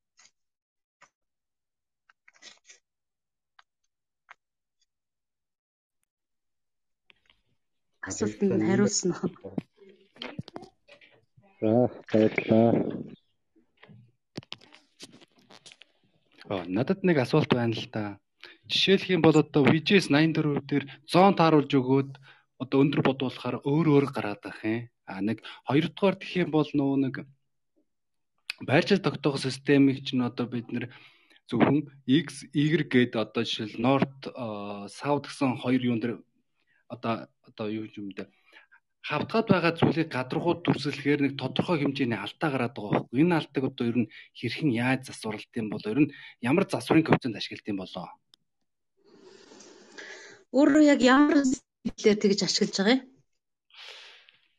юм?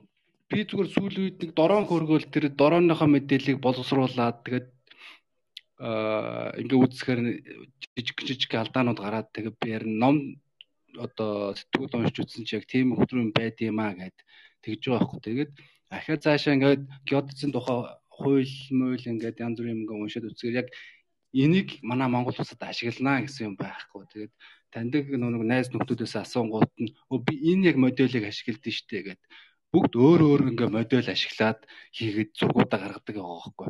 Тэгэхээр одоо ингээд энэ бүх чинь одоо эцэстээ одоо ингээ ажил хүлээл гэж өгч юм хүлээж авах та ямар нэгэн байдлаар давхцах ч юм уу эсвэл зүрх магадлал амар өндөр болоод байгаа байхгүй юу? Юу Монгол орны хэмжээнд яг VJS 84 байрлалын хувьд VJS 84 хэрэглэн өндрийн хувьд Балтийн тэнгисийн өндрийн системийг хэрэглэнэ гэсэн тийм тушаал байгаа л да нэг сайдын тушаал. Оо тий тийм байлээ л дээ. Гэхдээ одоо жишээлх юм бол тэр юуг ингээ ашиглах юм бол сая хэллээ шүү дээ. Өндөр уултаа газар нэг өөр байд юм аа. Нам дор газар бас нэг өөр байд юм аа гэд тий. Тэгэхээр чин энэ хэмжилт болгоно ш нэг бол өндөр уулан дээр нэг бол нам хотор газар хийхгүй байхгүй юу? Тэгэхээр энэ хоёрын дунд бас хийж байгаа тэр ажлуудын ажлууд дээр одоо жишээл алдаа гараад гараад байгаа байхгүй. А би бас нэг зүйл сонсч ирсэн юм л да.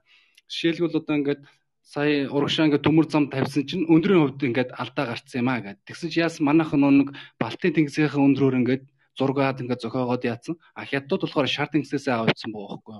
Тэгэд уг нь бол ингэсэн байлээ. Тэр шар тэнгисийн одоо хоёр улсын хоорондын нэг тэр төмөр замыг тавихтаа ингэсэн гэж байгаа байхгүй. Хятадын тал, Монголын тал, Оросын тал ингээ оролцоод уг нь зураг зохиосон юм бэ лээ. Тэгээ одоо яагаад хаана тийм алдаа гараад одоо ингээд төмөр зам маань ингээд зөрчдөм болоо гэдэг. Би гайхаад энэ өндрийн үг ингээд яасан чинь манайхан яг тэр Балтийн тэнгисийн системийг хэрэгжилж байгаа мөртлөө ахаад тооцоо бодох дахиад нэг өөр тийм загвар орж байгаа юм шиг надад тийм одоо бодогдоод байгаа юм л та. Одоо жишээлбэл одоо юун дээр Genesis-ийн хүлэн авахч багжин дээр болохоор бид ингээд одоо гоидын загвар гэдэг нэг юм хуулдсан шүү дээ. Тэгсэн чинь зарим нь болохоор EGM одоо 96 Тэгээд 2008 тэг 2008 дотроо ахад секунд 2.5 секунд а тэгээ өөр нэг багажин дээр утсан чинь Mongolian 10 харьцах нь 10 гэдэг нэг тийм одоо модулүүд яваад байгаа байхгүй хоорондоо эсрэг тесрэг тэгээ би гайхаад уг нь бол эн чинь өндрийн загвар одоо Балтийн тэнгисээс авсан гэж байгаа мөртлөө ингээд модуль загвар зохиогоход ингээд хүн болгон өөр өөр ингэсэн загвар зохиогоо гаргацсан. Тэрэн дээрээ тулгуурлаад одоо химжилт хийгээд байгаа юм шиг надад бодогдоод байгаа байхгүй юу? Тэгэхээр одоо яг энэ хуулинд хэдийгээр ингээ Балтийн тэнгисийн өндрийг ингээ баримтлана гэж заасан боловч заасан бол одоо Балтийн тэнгисийн модель нь энэ шүү. Одоо жишээл манай монголч том штэ одоо. Урдаасаа хойшоо хойд хил хүртэл одоо баг 41 35-аас 52 6 гэдэг чинь баг 10 градус а 11 орчим градус. А зүүн талаасаа баруун талаасаа 87 гол 110 гэсэн градус гэдэг чинь нэлээд ийм хөргөн удам нутагт байгаа юм чинь. Тэрийг 1 2 3 дугаар бүс 1 2 3 дугаар зоон ч гэдэм үү тий тэгж байгаа тэр зоонд яг энийг ашиглана гэд тийм модель загвар гаргаа тэр өндрийнхээ алдааг одоо хэдэн метр байна. Өндөр ууланд болохоор нэг 2 м ч гэдэм үү. Намдор газар бол 20 см ч гэдэм үү. Тийм алдааны утгыг итгэл зүрээр тооцоолаад за ийм ийм юм яг энэ энэ газар одоо ингэж хийнэ гэдэг тэр өндрийн одоо яг нэгдсэн тийм загвар магвар одоо гаргаж болдгон болов гэж би бодоол. Тэгээд энийг асуусан юм. Аа. Маш тэгэхээр яг уг нь бол очроо сум юм юм юм орж ирвэл нэлээ илүү дэлгэрэнгүй наривчлалтай хариулах байсан бах л да тий.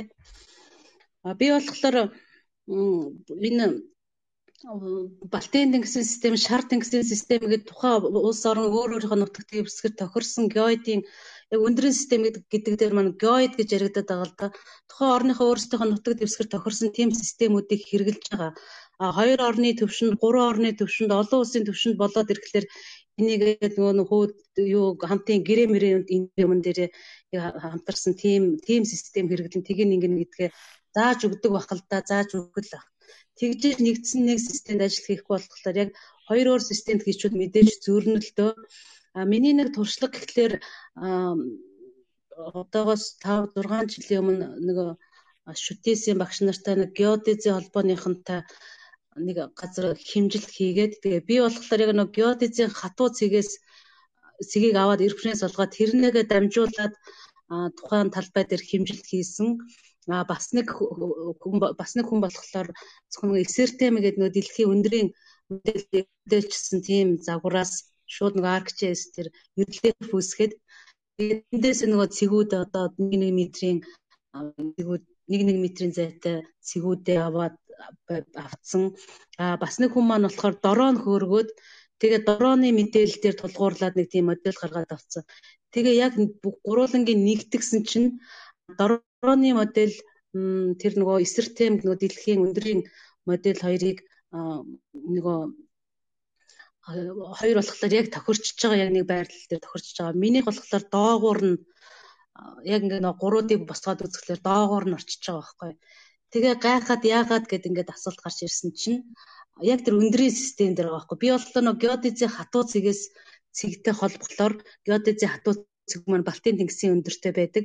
А нөгөө хоёр маань шууд VJS 84 өндрийг авцсан байгаа байхгүй. Яг энэ иймэрхүү чиглэлийн алдаанууд гэл одоо гаргаад идгийн иймэрхүү зөрүүнүүдийг л алдаач яах зөрүүнүүдийг л тэр нөө гаргаад байдаг өндрийн зөрүүнүүдийг л гаргаад идэм болов уу гэж бодож байна.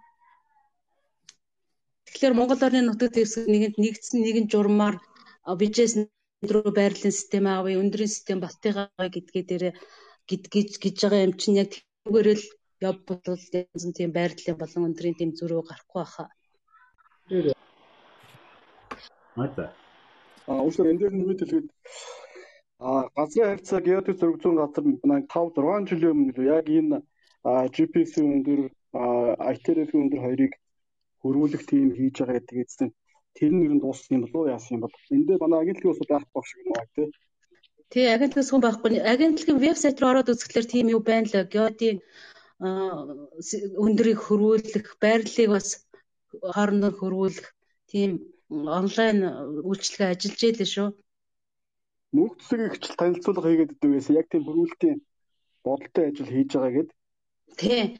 Яг одоо яг газар цаг gov cgmn гэдээ орохлоор тийм онлайн үйлчлэгээ байна. Байна лээ. Саяхан би нөгөө кадастрынхаа цэгийг нөгөө кадастрын цэг маань метрийн UTM буюу метрийн систем дээр байгаа шүү дээ. Тэгээ нөгөө Google Earth руу оруулаад яг нөгөө exact position аваадах яг жишээл миний хажууд ямар байшин барилга байна гэдэг би Google Earth дээр бол хангалттай харж штэ. Тэгээ Google Earth руу оруулах гад тэгээд цэгээ солилцлоо хөрвүүлэх гэсэн тэдний вебсайтыг ашигласан. Тэдний хөрвүүлж хэлвэл хөрвүүлж хэлээ. Тэгээ бас геодийн өндрийг ч бас хөрвүүлэх гэсэн цонх харагдчихжээ. Тэн дээр ороод яг түрүүн бас дурдаад өнгөрсөн яг хэрэглээнээс чинь бас хамаарат байгаа юм байна. Тэгэхээр яалчгүй сая Эрдэнэ зулын хэлээд байгаа төхөөрөмжийн би түрүүн дурдаад өнгөрсөн үйлдвэрлэгч нь ямар системийг аваад байна. Түрүүн сая цогоо дугаараар коллектор ашиглалаа гэхэд арчээ системийн VGC 84-ээр явж байгаа. Ихэнх жодоосоо бисүүд нь одоо сая Эрдэнэ зулын хэлдэг. А тэгтэл яг А бодит манай Монгол улс маань өөрөө үндсэн газрын сав орнууд маань өөрөө далайн төвшингөөс дээш өндөр буюу Балтийн систем дээр хийгдсэн байдаг. А тэгэхээр Хятадын шар тэнгис чинь ч гэсэн яг үндсэндээ бол тэр Балтаас нэг баг зэрэг adjustment буюу бодолтуудыг хийгээл авсан юу байна. Тэгэхээр тэр хөрвүүлгийн утгууд маань уг нь бол аа саяын отгоогийн хэлдэг мөх цэцэг даргын альбан дээр уг нь байж л ах ёстой. Яг бидний хувьд нөгөө тухайн хүмүүстэй холбогдож чадаагүй эсвэл тухайн хүмүүс нь тухайн үеийн ажлын ачаалтаас хамаарат өөрчилж мэдээд өгөөгүй гэж магадгүй. Тэгэхээр бидний дээр бол энэ бүх мэдээллүүд байж их ёстой. Ялангуяа түрүүний миний дурдсан Monref 97 гэдэг энэ геод загварыг бол хэрэглэнэ гэд геодын зураг зүүн газар ялангуяа мөх цэцэг даргын аль бол ерөөсөө яг энийг харилцаж хийж байгаа. Миний ойлгож байгаа. Яг эдийн юм уу юу хэрэглээд ирэхээр түрүүн би дурдаад байсан манай мэдхийнхэн бас орж ирсэн гоо орж ирээрэй гэж уус одоо нэм давгийг хийж байгаа хэмжилтүүд бол яг зүрхнүүд яалтчгүй гарч ирээд байгаа. Тэгэхээр тэр хэмжилтүүдийг яг нэгдсэн систем гаргасан нөгөө бодлогын баримт бичиг гаргаагүй тийм цар хүрээ ч юм уу зорилгоос хамаарат хийгдээд явчихж байгаа. Дээрээс нь хэрэгжилж байгаа төхөөрөмж ч хүртэл өөр болчиход байгаа байхгүй. Лайка хэрэгжилж гин үү, саяын миний хэлдэг шиг GH юу хэрэгжилж гин эсвэл өөр нэг хэдтийн нэг total station-уудыг хэрэглээд явчихж гин үү гэдгээс хамаарат наад утгууд чинь бүгд өөр болоод явчихж байгаа юм.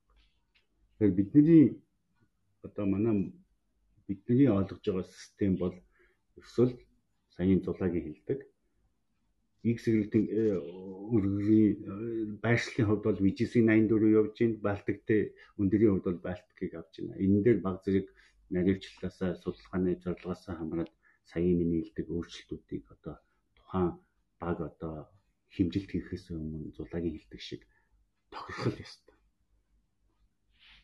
Тийм протокол явагдах ёстой. Тийм биз. Тийм хэмжилтийнхаа зорилгоос хамаарат окей миний хэмжилтэнд миллиметрийн наривчлах хэрэгтэй, сантиметрийн наривчлах хэрэгтэй юу гэдгээс хамаарна нэгдүгээрт өндрийн системийн хувьд болохоор одоо жишээлбэл гадаадын эрдэмтдтэй гадаадын төсөл дээр ажиллахад бол олон улсын төвшөнд хийж байгаа бол VJS 84 дээр ажиллаж ээж цаад хүмүүсийнхаа үр дүнтэй тохирч байгаа байхгүй юу. А зөвхөн Монгол орны нутаг дэвсгэрийн хэмжээнд одоо геодезийн нөгөө кадастрын одоо системд бүртгүүлэх ч юм уу Монгол орны нутаг дэвсгэрийн хэмжээнд ажиллаж байгаа бол заавал тэр нөгөө Балтийн тэнгисийн системийн өндөрт нь хөрвүүлж ээж нөгөө бус ажлуудтайгаа тохирох юм байна лээ. Тэгэхээр VJS 84 дээр хэмжсэн өндрөө Балтийн тэнгисийн системийн өндөрт хөрвүүлэхэд нэг жишээлбэл Улаанбаатар хот орчимд нэг 10-аас 15 метрийн өндөрт зөрүү гарч илүү би андуураад байна уу баруун тал тэгж гарч илүү тийм өндрийн зөрүү гарч ирсэн. Энийг геодез зурсан газрын дээр вебсайтаар оруулаад хөрвүүлээд тэр Балтийн тэгсийн өндрийн системд хөрвүүлээд тэгээд хэрэглэж болох бах тий. За өнөөдөр яриач байна. Хэрэглэнээс л хамаарч байгаа бүгд төрлийн хэрэглэнээс л хамаарч байгаа. Цагаа Австралиас миний зөв санаж байгаа эди чинь Сингапуроос баха. Түрүү микрофон нөлөөс ирсэн.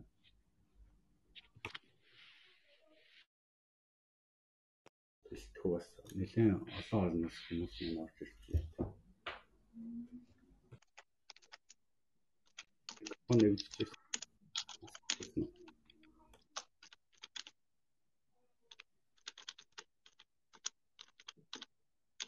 удаад орчих байх юм. Нэмбэрийн тэр асуулт бидний ханга. Тэгэхээр ялчгүй асуу дахиад асуух хэрэгтэй. Миний бодлоор бол мөх цэцэг дарга буюу геодез зураг зүүн хэлц газар зохион байгуулалт геодез зураг зүүн газар дээр яг саяны чи асуугаад байгаа тэр заслага утгууд бол бүгд л байж юм. Тэндээс гаргасан байлтчүүд. Би нэг юм асуучих дахиад нэг. Аа одоо нэг цэг дээр цэгийнхээ нягтралыг их ойлгохын тулд GPS юм уу одоо тухайн хэмжиж байгаа төхөөрөмж асаагаад орхичих юм бол хугацаа өнгөрөх тусам илүү наривчлан сайжраад тэр багшнууд өөрөө дотроо тэрнийг ингээд бодол тэгэл сайжруулаад гаргаад идэх үү? Их хвчлэн багшнууд зүгээр тухайн нөгөө түрүүн on time гэж яриад лөө те. Тэр акшндаа л бодолтоо ингээ гаргаад хэвлээд идэх юм уу хөрөмжсөл хамаарах байх л да. Гэхдээ ер нь GPS-нүүд тэгж яаж ажилдаг болов одоо жишээ нь ингээд нэг газар тавьчих юм бол илүү наривчлан сайжрал ах уу? Тий, наад дээр чи нөгөө RTK буюу real time kinematic тэгээд static гэсэн хэмжилтийн хоёр төрлийн арга ашиг яригдж байна л да. А RTK буюу яг тухайн бодит агшны хэмжилт хийх бол ямар нэгэн одоо байнгын сурлуулсан нөгөө GNSS станцтайгаа холбогдоод тэндээсээ differential correction аваад real time буюу бодит агшныхаа байрлалыг тодорхойлж болж байна. А статик хэмжилт гэх юм бол нөгөө өөрийн чи яриад байгаа нэг газараа тавьчаад удаа хугацааны турш одоо нэг хоногийн ч юм уу 30 ер нь бол батал нь 30 минут гэж яригддаг л да. 30 минут юм уу тэрнээс дээшээ 72 цаг 24 цаг 48 цаг нэг газараа байрлуулж байгаад тэгээ хиймэл дагуулсаа мэдээлэл хүлээгээд авчин штэ тэнд чинь нөгөө нэг AirTag шиг differential correction байхгүй. Хиймэл дагуулсаа мэдээлэл хүлээж аваад тэрийг компьютер дээр тусгай програмын тусламжтайгаар боловсруулалт хийгээд тэгээд тэр нөгөө нэг газар байрлуулсан төхөөрөмж дээр манд нэг газар байрлуулад жишээлбэл нөгөө хэрэглэнээсээ бас амар нэг газар байрлуулад судалгааны ажил хийж байгаа бол нэг газар байрлуулад орхисон төхөөрөмж дээр маань одоо зүгээр энгийгээр ярих юм бол баахан л олон тоо бичигдэнэ. А тэр тоонуудыгаа тухайн ямар нэгэн програм хангамжийн дээр боловсруулад бас л зүгээр энгийгээр ярих юм бол математик дунджийг нь олж тодорхойлж гин гэсэн үг байхгүй юу. Тэгэхээр урт хугацааны хэмжилтийн маань дунд чинь илүү наривчлагдах нь наривчлагдаж өгнө шүү дээ. Богино хугацааны хэмжилтээс илүүтэйгээр урт хугацааны хэмжилт маань илүү наривчлалтай тийм байрлал тодорхойлох боломжтой байдаг.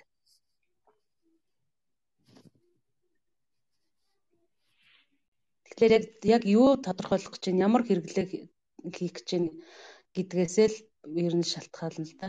Яасан нөгөө хэрэгжилж байгаа програм чинь одоо нөгөө чиний нөгөө хэрэглэдэг гамет нөгөө эсвэл пост артик процессинг нөгөө open source програмууд байна.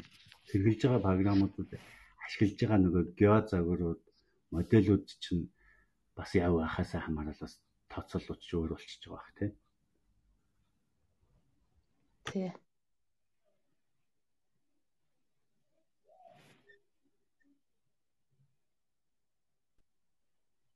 Тийм хүний хэрэглэнээс л хамаарна. Надад одоо жишээлбэл зүгээр бидний өдөртмийн хэрэглэн дээр ихэд чинь зүгээр хот дотор ажил гэрийн хооронд явхад бол надад окей юм жижиг машин хэрэгтэй болно гэх юм бол а уул хаданд явна би хөдөө гадаагаар явна надад одоо дат сайтай ч гэдэг юм туулах чадвар сайтай машин хэрэгтэй гэвэл тийм машин авдаг шиг яг л тиймэрхүү л одоо GNSS-ийн хэрэглээ бас яг хүний нөгөө хэрэгцээнээс л хамаарах байхгүй юу? Надад өндөр наривчлалтай дата хэрэгтэй гэвэл одоо зориултын одоо тусгай тийм төхөөрөмж аваад ашиглах зүгээр надад зүгээр л энэ позишн нэг өндөр наривчлалтай хэрэггүй нэг 2 м бол хангалттай гэж үзэх юм бол та гар утсаач ашиглаж болох нь байна шүү дээ. Тэгвэл манайхаа ямар төхөөрөмжүүд вэ? Хамгийн тохиромжтой зүгээр хүн хэрэгжилж болох хамгийн наривчлалтай ойлгож болох төхөөрөмж эсвэл гар утас гэвэл гар утсан дотроос энэ загвар илүү юм шүү ч гэдэг юм уу? Таад тийм туршлага байхгүй зү? Аа гар утсан дээр бол одоо та интернетээр хялбархан шалгасч болно. Өөрийнхөө гар утасны моделийг бичээд хайхад тухайн гар утасны чинь нөгөө юу техникал аргасч тэр үе нөгөө техникийн үзүүлэлтүүд нь гараад ирж шүү дээ. Тэгэхээр энэ гар утас маань GPS, GNSS ямар ямар төхөөрөмж ямар ямар хиймэл дагуулаас мэдээлэл авч чинь гэдэг нь гараад ирнэ гар утас. Аа зүгээр яг та юунд хэрэгдэх гэж байна гэдгээсээ шалтгаалаад яг энэ хиймэл дагуулаас мэдээлэл хүлээн авах тоног төхөөрөмжүүд үйлдвэрлэдэг гадны компаниуд байна л да. Тримбл гэдэг дэлхийд нэлээд өндөр тархсан Тримбл фирмийн төхөөрөмжүүд авч болж байна. Одоо сүүлийн үед хаттын төхөөрөмжүүд нэлээд илбэг борлуулагдж байгаа шүү дээ ороод ирсэн. Хэрэглэдэг Тримблийг. Танд яг ямар хэрэглээ хэрэгтэй тэрнээс л болно да. Trimble Trimble-ийн ямар юмнууд вэ? Trimble GPS гэл нэг байдаг гэж лээ. Тийм Trimble ч анх анх э, төхөөрөмж гаргахдаа хоёр долгионы буюу зөвхөн GPS-ээс мэдээлэл хүлээн авах байсан. Одоо сүүлийн төхөөрөмжүүд нь multi channel буюу олон долгионы төхөөрөмжүүдийг э, гаргацсан байж байгаа. Тэгээд э, одоо олон долгионы хэрэглээ өндөрөх тусмал мэдээж үн өндөрсөн шүү дээ. Одоо яг нэг холбооны вебсайт руу ороод үзэхлээр даниш чинь өчигдөр өчигдөр үдээс оршин сешн дээр дөрөвдүгээр сешн дээр юу хийсэн те нэг low cost receiver гээд блоксыг ашиглаад очроо блоксыг ярьсан. Тэгээ бас нөгөө агентлагийн илтгэл дээр ч гэсэн юу блоксоор бас нөгөө саяын чиний хэлдэг нөгөө засваруудыг ашиглаж тест хийж үзснийг бас сумья танилцуулсан шүү дээ. Тий, тий. Тийм холбооны нөгөө пэйж рүү ороод тэр илтгэлүүдийг нөхөө сонсоод бас сонирхолтой мэдээлэл авч болох бах тий. Одоо манай Монголын геомэдэлийн холбоо гэдэг та бүхэн Facebook дээр хайх юм бол яг Mongolian Geospatial Association гэсэн пэйж хуудас байгаа.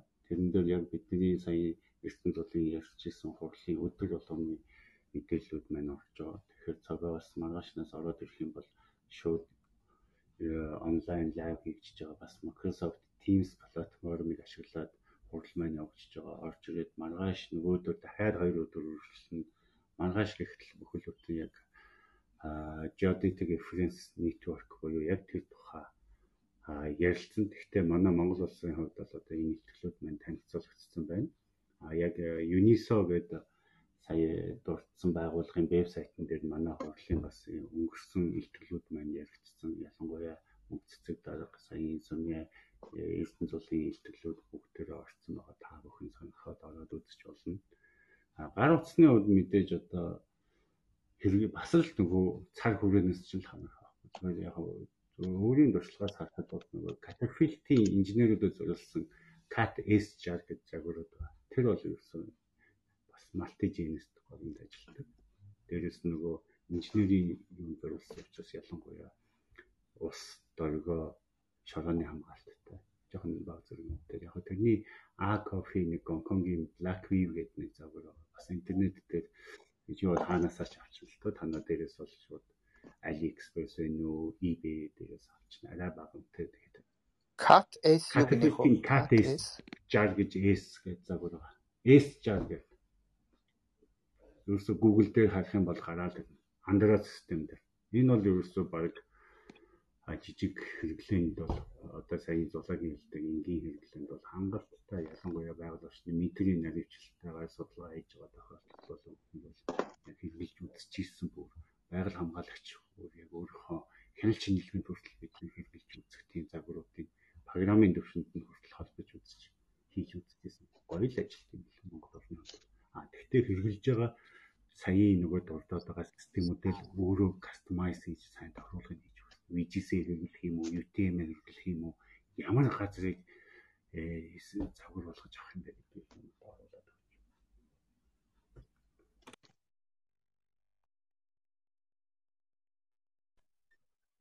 Аа, RMS. Сайн тэр статик хэмжээний талаар асууж ах шиг байна тий. Одоо одоо удаагийн давхцаар хэмжилт хийвэл илүү наривчлалтай байх уу гэдэг. А тэнээр нэг юм хэлэх гэсэн. Ер нь бол одоо уурхайн орчинд тий одоо ойролцоог сүжээнээс байлаа гэхэд за тэндээ одоо бейс буюу одоо хүлээ авахч байрлуулаад одоо нэг химик дагуулаас тохиолдол авч байгаа шүү дээ. Хүлээ авахч байрлуулад а өөрийнхөө одоо нөгөө нэг байгуулж байгаа цэг буюу одоо нөгөө олон удаагийн давтамжтайгаар авч байгаа цэгийг цэг дээр одоо наривчлалтайгаар ресивер одоо хүлээ авахч байрлуулна. Одоо хоёр дахь хүлээ авахч гэсэн үг шүү дээ. А тэн дээр ерөөдөө статик хэмжилт нь болохоор хугацаа заагаад өгчин. Одоо ийм хугацаанд ийм нариу нариучлалтайгаар ийм одоо олоодын давтамжтайгаар цэгээ одоо нэг бодож гаргана гэж GPS ихэд хөрөмж дээр контрол дээр удирдлага дээр ингээд оруулаад заагаад өгчин. Үүний дараагаар хугацаа одоо 24 цаг ч юм уу тий одоо 12 цаг юм. Яг тэр хугацааныхаа дараа тэр олон хэмжилтүүдийн дунд бичлэгдээд тэр GPS-ийн төхөөрөмж нь бол өөрөө тодорхойлцдог байгаа. Тийм болохоор одоо тэр байгуулж байгаа цэгийг ерөнхийдөө одоо уухын орчинд хэмжиж хийхэд ч юм уу те одоо дараагийн хэмжээнд ашиглах боломжтой гэдэг. Илүү өндөр наривчлалтай байна. Хангалттай боломжтой байдаг гэж юу? Тий, яагаад тэгэхээр тэр цэгдэр маш олон удаа ингэ атомжтайгаар ингээд одоо хэмжлүүд хийгдэж байгаа шүү дээ. Тэдний тунцлагдаад буцаж байгаа болохоор ганц одоо нэг удаа ч юм уу хоёр удаа ингээд цэгээ дараад ерөөдөө цэг авлаа гэж бодоход наривчлалын хувьд бол хамаагүй одоо зөрүүтэй байгаа л та. Хэрвээ цэг байгуулах гэж байгаа аль эсвэл цэг шийдэх гэж одоо цэг шийдэх гэж юм л та тэгж байгаа тохиолдолд стат хэмжилтийг хийвэл илүү наривчлалтай гэсэн. А харин зүгээр одоо геологийн хайгуулын цаоног ч юм уу одоо блокийн хүрээ тэг хэмжилт хийх гэж байгаа бол одоо real time үе одоо а утгацаагаар биш ARTK тий тэгээд л нэг хэмжилтүүд зүйдэ аваад явал наривчлалын дэмж статик хэмжилтийг бодвол тийм наривчтай биш ч гэсэн. Нэ эди чихвчээр яриад байгаа юм шиг би сайн сонсогддгүй хөө чихвчээ салгаа яриул дээр гэдэг шүү. Аа за.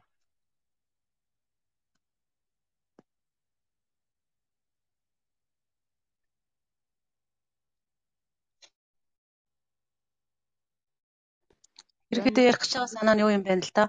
Статик хэмжилт бол хангалттай одоо хэрэглээнийх нь наривчлалыг хангадаг. RTK ч гэсэн хэмжилтэй биш ч гэсэн бас хэрэгцээг хэрэглээг нь хангаад байдаг л гэж ойлголоо тийм үү? Аа тийм. Ер нь бол хэлэх гэсэн санаа тиймэрхүү л та. Тэгээ хамгийн гол нь тий одоо ямар зориултаар ашиглах байгаас шалтгаалаад сонголтууд байгаа л та. Аха. Ямар зориултаас ямар зориултаар ямар хэрэглээгээс болоод төхөөрөмжийн сонголт байна, хэмжилтийн одоо арга барил арга сонгох сонголт байна. Аа дээр нь одоо хэр удаа хугацааны хэмжилт гээх үү гэдэг нь бас байна. Тэр ер нь бүгд л хэрэглээнээс шалтгаалж байна л да. Сүүлийн үед нэг гарч ирээд байгаа шүү дээ. Ер нь нөгөө далдуурхад илүү хэрэглээд яг уурхаан ам дээр бас саяын зулагийн хэлдэг шиг нөгөө хатуу цэгүүдийг шилжүүлээд indoor navigation буюу энэ нөгөө Genesis-ийн шүлжээг бас ашиглаад дээрэс нь одоо энэ тухайн төхөөрөмжөөс хамаарат нөгөө MC интернет дээр э, технологи дээр тулгуурлаж нэг жоохон хэмжилтүүдийг сайжруулад байгаа шүү дээ. Тэр тухай жоохон туршлагаасаа ярьж өгөөч.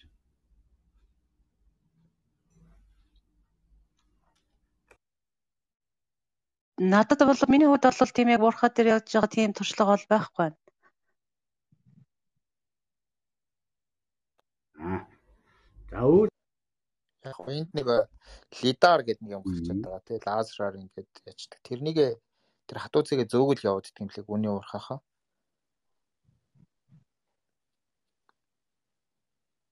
Хатуу цэгээ зөөгөө зөөгөө тэрнтэйгээ а нөгөө одоо тэрийг leapfrog гэж нэрлэдэг байгаа тий. Нэг хатуу цэгээс дараачийн цэгээ зөөгөөд хатуу цэг байгууллал яваад идэх юм лээ. Уурхаа дотор юу? Тий уурхаа дотор. Аа.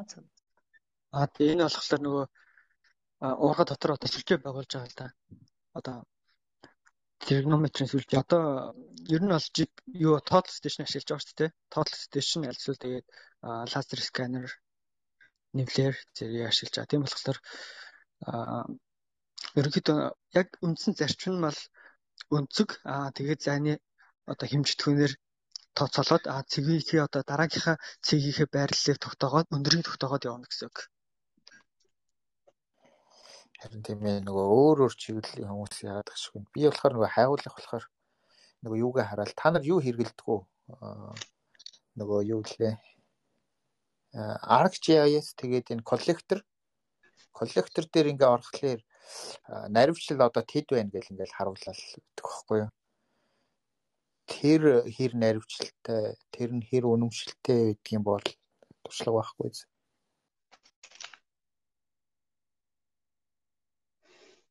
За уул уурхай геологийн л тэр талаар туршлагатай байгаа та.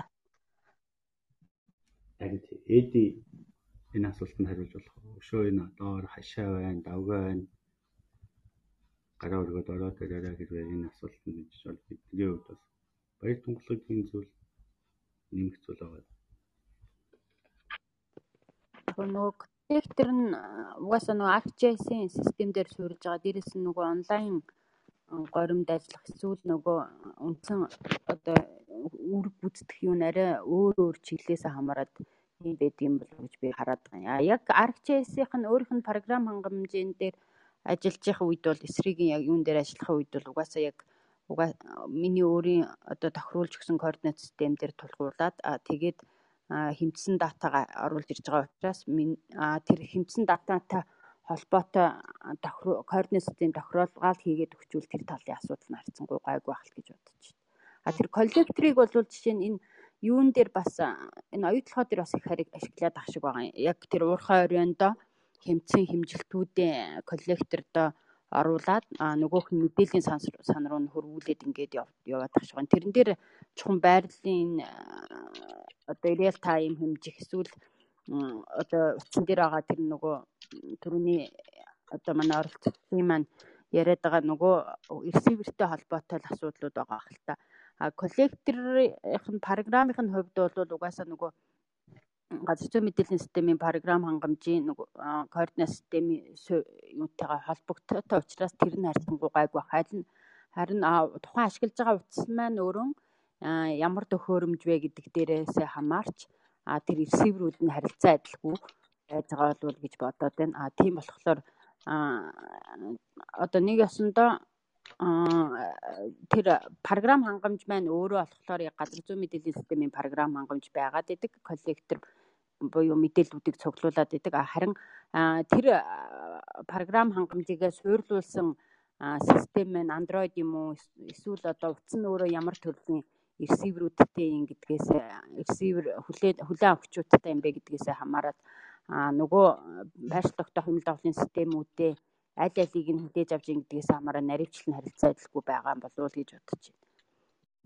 Зүгээр энэ бол зүгээр миний хувийн өөрийн опинион яг тийм амар нөгөө туршлага хийжсэн юу бол байхгүй л. За. За сонсогчноос минь асуулт байгаа л бид нэр цаг биш ээ. Тийм цаг 40 минут орчим ярилцсан байна.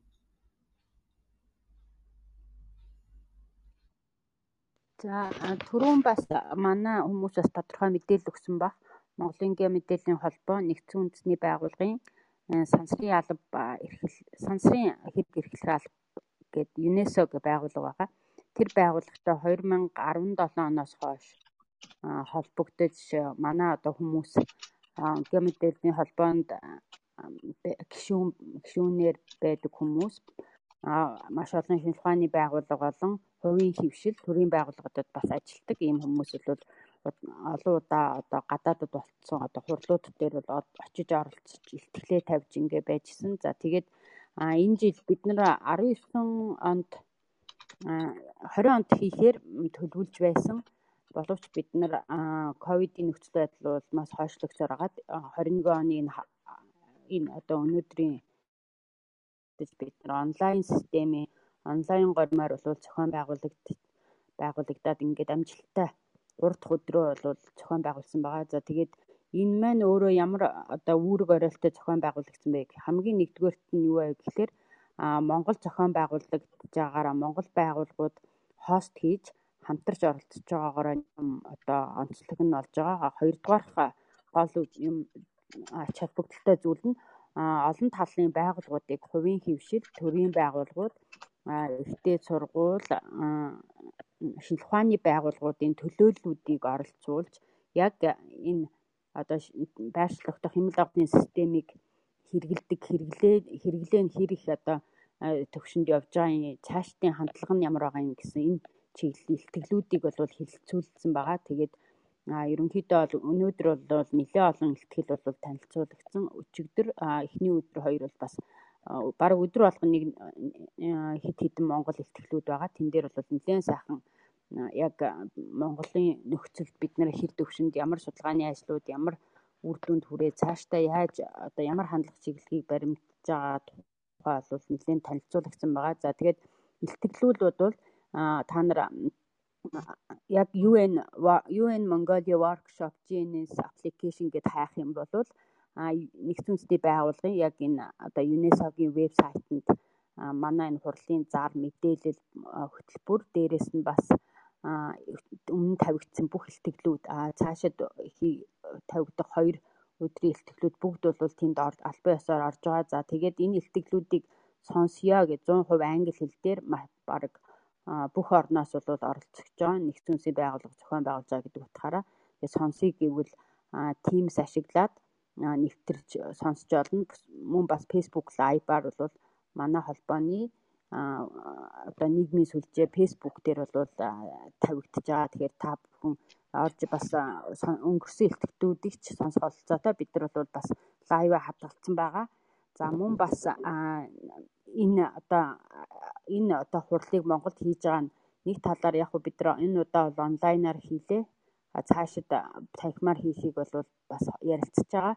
Өөр бусад одоо сургалтын болон хурлын зүйлүүд бол за энэ юу юм гэхээр бид нар нэг хоёр хүн нь очиод энэ хурлыг сонсоод ирээд ямар гоё юм бэ хүмүүс ингэж хийж ийн гэдэг харж ирдэг байсан бол энэ удаагийн хурлын хувьд бол тэр гадны томчууд яг энэ мэрэгжлийн чиглэлд гол тоглогч болсон байгууллагууд өөрсдөө бол илтгэлээ хилцүүлж оролцож яг Монгол одоо Монголын одоо салбарт ажиллаж байгаа энэ одоо мэрэгчлэнүүд бол орц сонсох хамтарч ингэ сонсох энэ болцоог бол олгож өгч байгаараа нэлээд том давуу тал байгаа. За тэгээд мэдээж энэ дээр бол гадаад явдлын яамаар дамжуулаад албан ёсоор эрхтэйгээр болоод Монголын гео мэдээллийн холбоо бол энийг зохион байгуулж байгаа. За тэгээ мэдээж яг энэ байршлагдах хэмэл дагуулын системийг гол хэрэглээ болсон газар зохион байгуулалт геодын зураг зүүн газар а дээрэс нь нисэх цахилгаан холбооны газар гэх мэт одоо ингээ хүйцгийн хүрээлэн гэх мэтлэн одоо яг томоохон ашиглагддаг салбарууд маань өөрсдөө бол нэлээд гол дэмжигч байгуулгаар болон хамтран зохион байгуулагчаар бол орж ажиллаж байгаа. За тэгээд энэ энэ одоо том ажлын ард бид хэд бол гарахаар бол хичээлж ажиллаж байгаа. За тэгээ өнөөдрийн манай Эрдэнэ зуурлын энэ танилцуулсан ийм энэ хэлүүлж байгаа энэ одоо яриа болвол Geotalk маань бол яг энэ UN-ий хуралтай бол зэрэгцэж байгаагаараа нэлээд онцлог байгаа шүү. Бид нар тэр утгаараа бол яг энийг тохируулж бол энэ өдрүүдэд тавьсан байгаа. Тэгээд мөн бас нэгдсэн үндэсний байгууллагад 9 орсны 60 жилийн бол тохиож байгаа. Яг 25-ны өдөр байсан бидний хурал одоо эхлэх өдөртөө бас зэрэгцэж байгаагаараа нэлээд онцлог байгаа шүү. Тэгээд цаашид манай холбооны томоохон үйл ажиллагаануудад орж ажиллах, хамтарч ажиллах, за мөн бас дэмжиж ажиллах эсвэл биднээс бас мэрэгжлийн зөвлөгөөнүүдийг авах бүрэн болцоог бол олгож байгаа. Бид нар бол ашигын бус ийм олон одоо гишүүнтэй гишүүдэд үйлчлдэг ийм байгууллага байгаа шүү. Та бүхэн мэдээлэл авъя гэвэл манай одоо вебсайтуудыг Монголын гэ мэдээллийн холбоогийн хайгаад гэ мэдээлэл цэгмэн гэсэн вебсайтаас бас мэдээллүүдийг авах юм болцоотой байгаа шүү. Баярлалаа. Тийм баяр тунгагийн үгэн дээр нэмээд хэлэхэд энэ он ч нөгөө нүүпийн 60 жилийн нүүп Монголын 60 жилийн ой дээр нэмээд Монгол хүн сансарт нисний 40 жилийн ой бас энэ онд тохиосон шүү 2021 онд. Тийм. Тийм тэгээд энэ хурлын нөгөө илтгэлүүдийг лайв илтгэлүүдийг нөхөө сонсоод үзэх юм бол а бас зөндөө олон мэдлэгээ хэлэх тийм асуудлууд тийм юунууд нөгөө кейсүүд нэлээ яригдсан байгаа. Тэгэхээр та бүхэн лайв илтгэлүүдийг нөхөө сонсоод үзээрэй. Тэгээ хойштын хурдлаж гэсэн оролцоорой.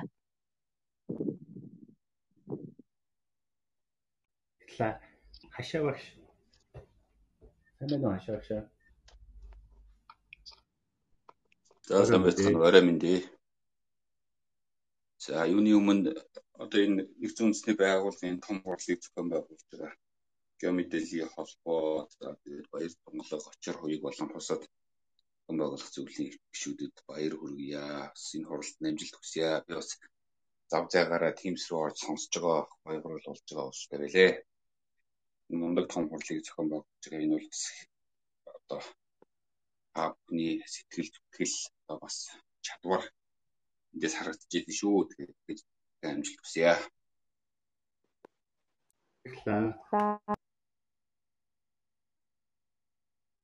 Тань шилжүүлсэн чинь бас танд бас асууж санал өгөх тодруулах зүйлээр нэмээд хэлэх үү? За надад ерөнхийдөө гайгүй байна дөө. Сонсч юу? Баярлалаа. Бас манай Монголын үйлдвэрчний геологийн холбооны төлөөс хашаа багш маань ороод ирсэн. Бидэд бас хамтарч нэлээд олон үйл ажиллагааг дараа дараагийн үйл ажиллагаанд хийх өнгөрсөн өмнөх 2-7 хоногийн дугаар дээр одоо цолмон маань сая цогогийн хэлдэг одоо leapfrog sequence системийн тухай бас ярилцсан байгаа. Тэгэхээр энэ Geotalk маань Anchor гэдэг платформ дээр Geo podcast хэлбэрээр тавьчихж байгаа. Тэгэхээр цогоо бас тэр өмнөх яриануудыг бас дээрээс нь хавар болсон юм дээр бид нар бүр Монгол улсад одоо Garmin-ы аль биесний дистрибьюторээр ажиллаж байгаа инженер геодезийн мэрэгчлүүд нөгөөж оруулж ярьсан байгаа. Тэр бичлэг бас байгаа. Нөхөд сонсож болно. Сая ярьсан нөгөө цагнаас эхлүүлээд ямар төхөөрөмжтэй Garmin-ууд байна ажиллах боломжтой юм бэ? Одоо сая баяр тунгагийн хэлдэг өчигдрийн ихтгэл дээр гэхэд бүхэлдэн бэйдүү системийг яг Монголын уурхаа дээр хэрэглэсэн кейсийг хүртэл танилцуулагдсан байгаа шүү.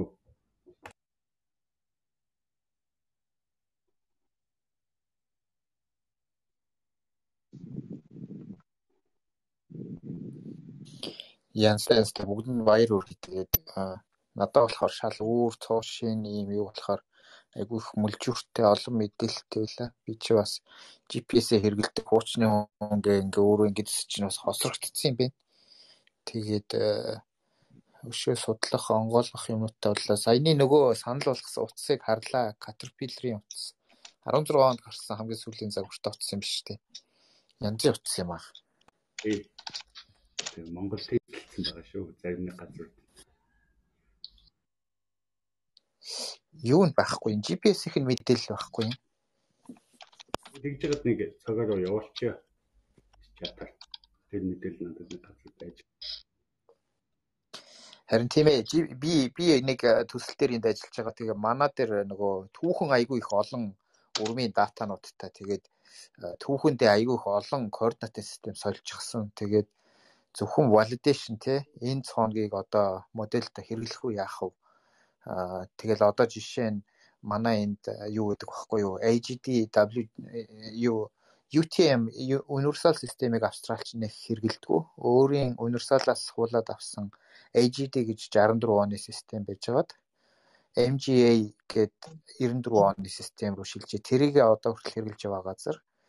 Тэгээд энэ уурхаа чинь 100 жилийн түүхтэй, өрөмч чинь бараг 70 80 жилийн түүхтэй. Ингээ явахлаэр нөгөө түүхэн датанууд маань координат систем дээр маш их асуудалтай. Яаж хөрвүүлэх үү? Энэ цооног хайрын өрөмтсөн үнэтэй цооног. Энийг одоо модельд оруулчмаар байдаг тийм. Юм шилжидэггүй. Тэгээ ийм асуудлууд амьдрал дээр айгүйх гардаг. Манад яг уу яг тухайн миллиметр үнэлгээнд орох гэдэг маань уурхаа дээр л яригдах хэмжээнд болчиход байхгүй.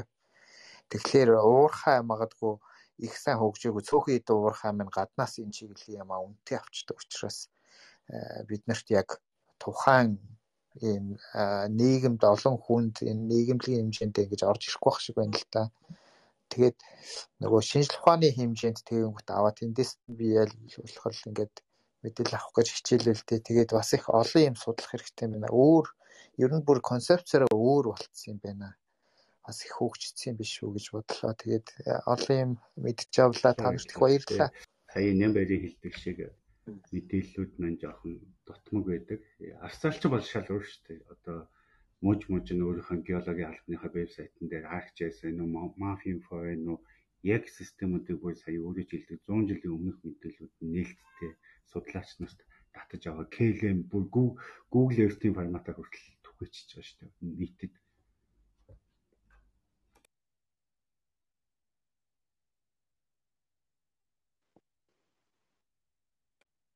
Дараагийн асуулт байвал сонсогчдоос Оди гарч ирэхгүй юм уу?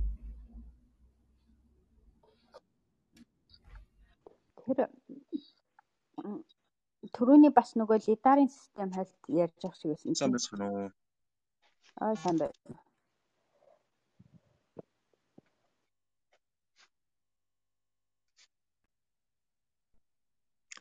Би өнөөдөр бол нэг GPS-ийн компанитай митингсээр уулзах байсан чинь маргааш болоо хойшилчлаа.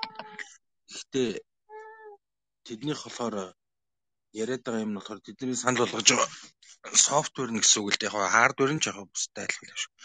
Гэхдээ софтвер нь бусад програмуудтай холбогдоход хамгийн энгийн хэлбэртэй байгаа гэсэн яг тэр нарийн юуг нь бол сайн мэдэхгүй байна. Гэхдээ би бас нөө юуны Израиль одоо юу гэж үүдэж Телрад гэдэг нэг өөртөө сателлайттай компани байдаг шүү дээ.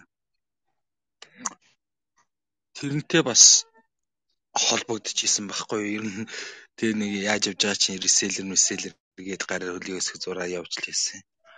Тэгээд э, Телрад бол айгүй цөөхөн кейс дээр Монголд хэрэглэгдэл байсан юм байлээ л дээ өмнө. Одоо болохоор нэг тийм э, сүртэй хэрэглэгдүү ерөнхийдөө баг commercial market болцсон.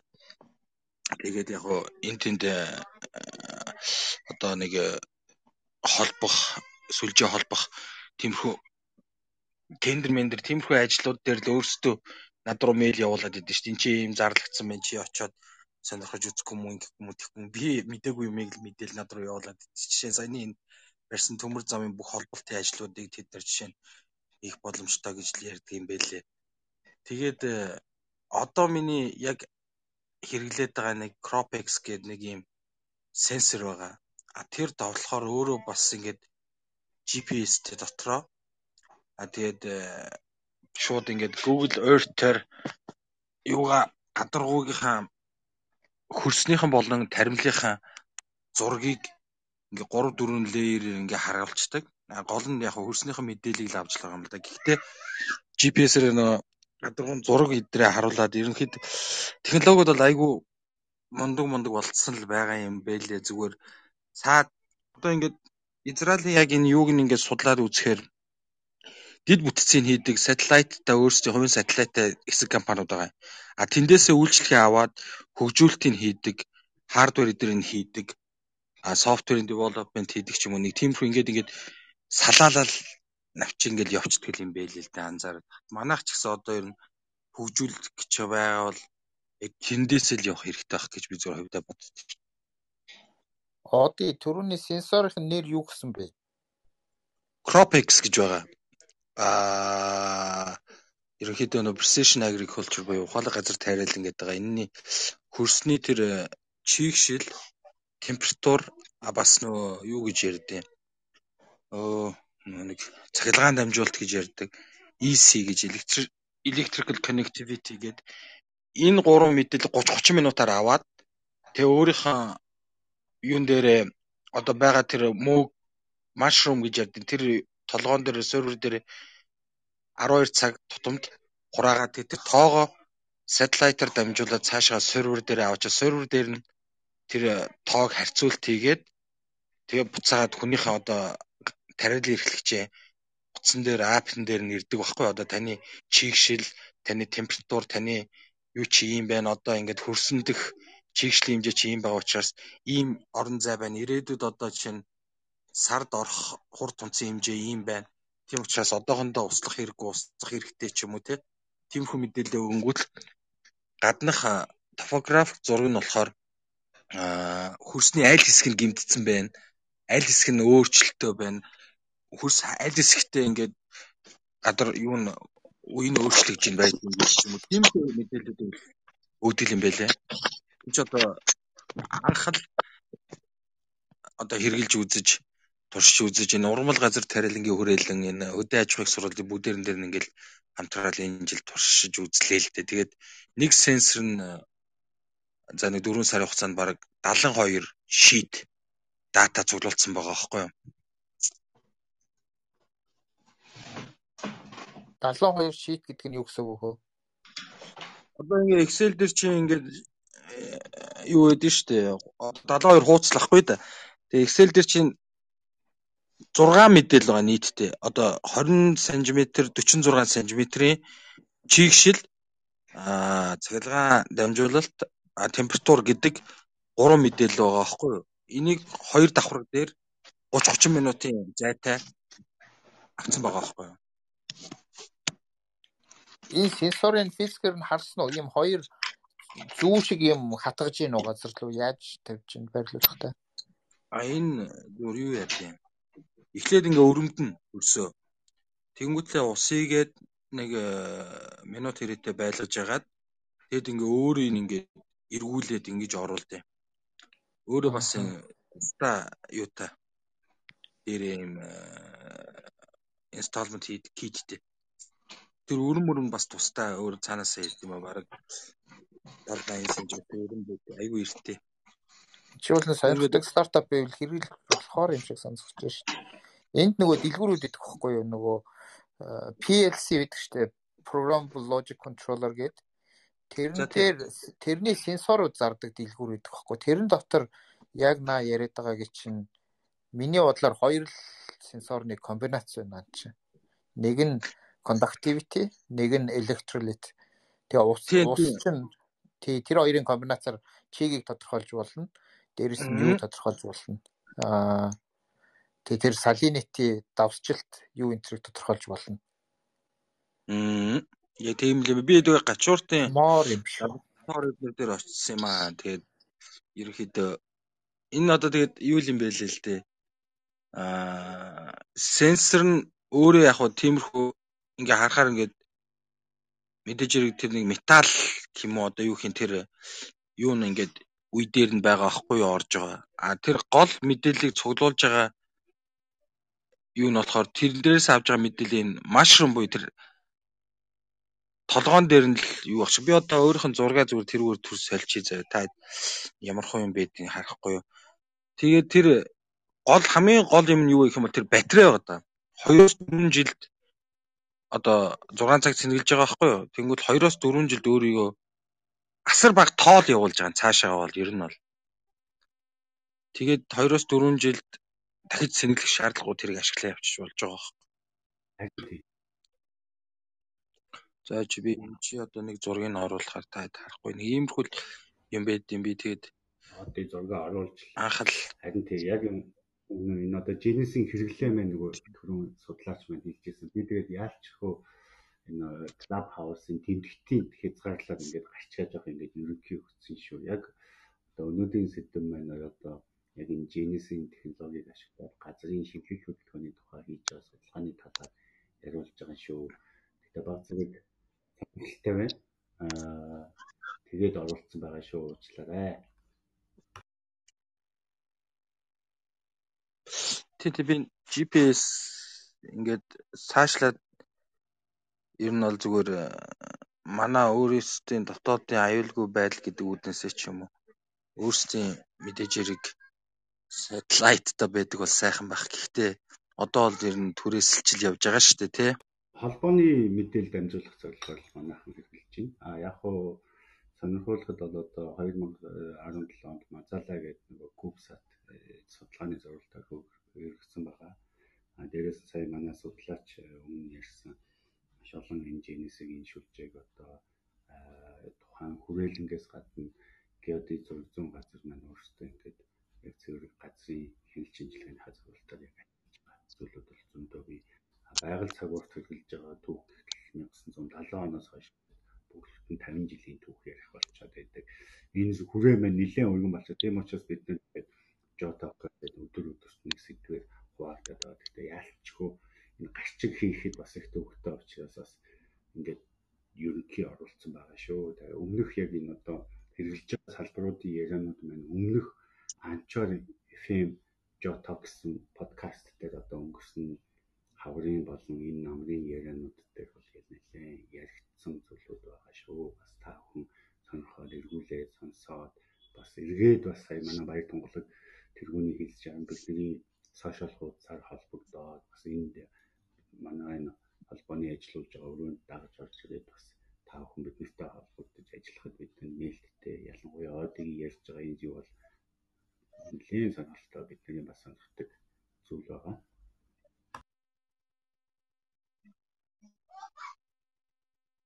Аа.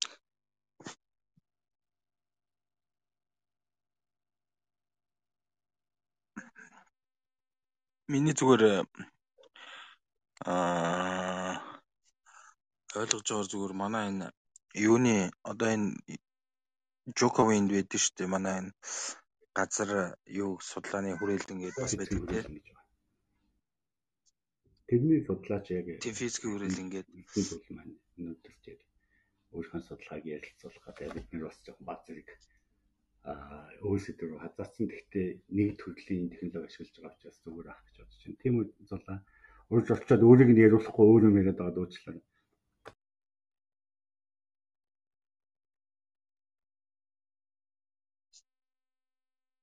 Эрдэн бүрэн гэдэг тий байдаг лээ тий.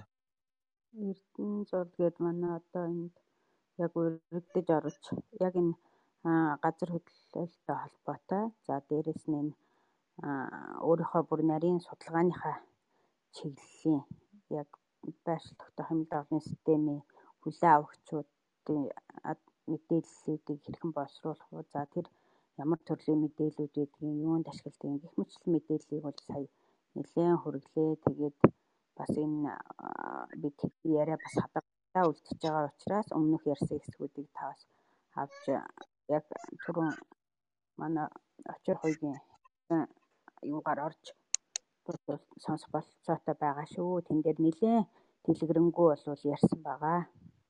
За тэгнээд гоё сэнсэр.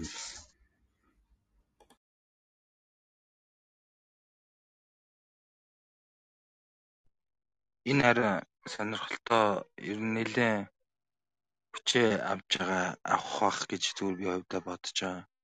Манайхын чухамхүү хэр хүлээж авах юм. Ямар ч гэсэн тэгээд оруулж ирээд туршаад хүмүүст ингээд таниулж лээ. Тэгээд аль болох ухаалаг арай нэг сайныг хэрэглээд эхлээд ядаж дадал болчвол дараа дараа нь хөгжүүлэлт нь ч гэсэн цаашаа сайжрах явах юм болов гэж хувьдаа боддоо шүү дээ. Тийм байна. Айгүй хөрхөн сенсор байна. Тэгээд гол нь наа чи нэлээд сайн нэвтэрч чадвал их хэрэгтэй. А би тэр бас нөгөө хөдөөж их сургуулийн механик инженерийн сургуулийн багш нартай хамтраад бас яг нэг иймэрхүү ухаалаг газар тавилан гэдэг юм бас хийх гэж үзэж исэн. Тэдний тэднийх бас айгүй хөөрхөн юм сенсорууд байрлуулаа эргээгээ трийгээ нөгөө хүлээж аваад маш бага дата шилжүүлж өгд юм бэлээ маш хурдтайгаар. Тэгээ трийгээ боловсруулж ингээ үзүүлж илээ. Тэгэхээр яг тэрнтэй адилхан юм шиг бол харагдаж байна за тэгээд болж өгвөл бас юу юм бэ лээ? Нөгөө яг хөдөө аж ахуйн сурвал хоёрыг авсан шүү дээ. Хоёрыг авсан а тэр тий туршил байгаа. Тий. Тэгээд болж өгвөл нөгөө дээд аваад тэрийгээд нөгөө лабораторид батаагаад жингийн зөрөө мөрөг нь үздэг штеп техникийн зөрөө гаргадаг. Яг тийм лабораторийн шинжилгээний хариутай нэлээд сайн коррекшн хийж үзээд батлаад яах юм бол наачин нэвтрэхэд айгүй хурдан нэвтрэх болцоотой ухаалаг төхөөрөмж байна гэж харагдаж байна. Баталгаажуулах асуудал одоо ерөнхийдөө яригадаад ингээд явж байгаа юм л да. Гэхдээ одоо би нэг юм дээр амар тийм миний магадгүй миний алдаач юм. Гэхдээ ингээд эн чи өөрөө ингээд айгүй олон газар хэрэглэгдэж байгаа байхгүй? Дэлхийн одоо нэг хэд улсад ч байдیں۔ 30 40 улсад ч юм хэрэглэгдээд.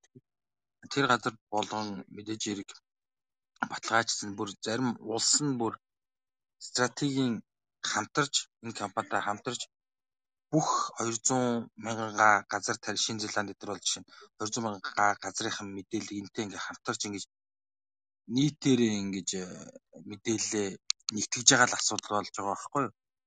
Тэгээд ингээ явах юм бол ядаж бүгдээр нэг чиг рүү хараад явдаг ч юм уу яадаг чи нэг тийм зүйлүүд ажиглагддаг. Давхар дээрэс нь айгүй сайн real time одоогийн яг ингээд бодиттой мэдээллийг хянах боломж бүртгэл юм байлээ л да. Уул нь яг ингээ хэрэгцээтэй газар нь хэрэгцээтэй мэдээлэл нь байх юм бол заавал энэ гэж ам шиг. Гэхдээ ер нь бол энэ иймэрхүү чиглэлээр л ингэж цаашдаа манай энэ газар тарил хөдөө аж ахуй ч юм уу юмнууд энэ хөгжих ёстой л болов гэж боддоо ш.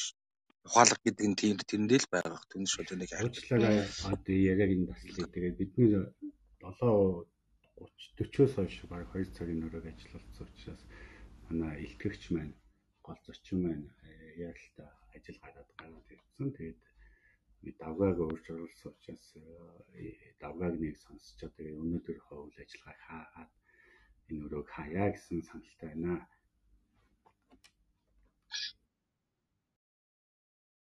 За ойлголоо баярлалаа. Би харин жоохон оройтч гэртээ ирэл сая л хин нэг э, уулын түрүүн нав пин гэдэг шигсэн тэгээд сая л орох боломж байлаа. Маргааш 2 цагаас бид нэг бас яг нөгөө хурал маань үргэлжлэн та бүхэн бас орж ирээд сонсоод сонхоорой. Тэгээд би ч бас өөрийнх нь чадах чинээгээр э, судалсан барьсан юмнуудаа хэлээ. Тэгээд мэрэгжлийн улсууд нь илүү их мэдээлэл авах тусмал цаашаага сайжрах явах байлгүй түүнээс. Миний хувьд бол зүгээр одоо өөрийнх нь хүсэл сонирхлоор л явж байгаа нэг. За, давгаар микрофоныг шилжүүлье.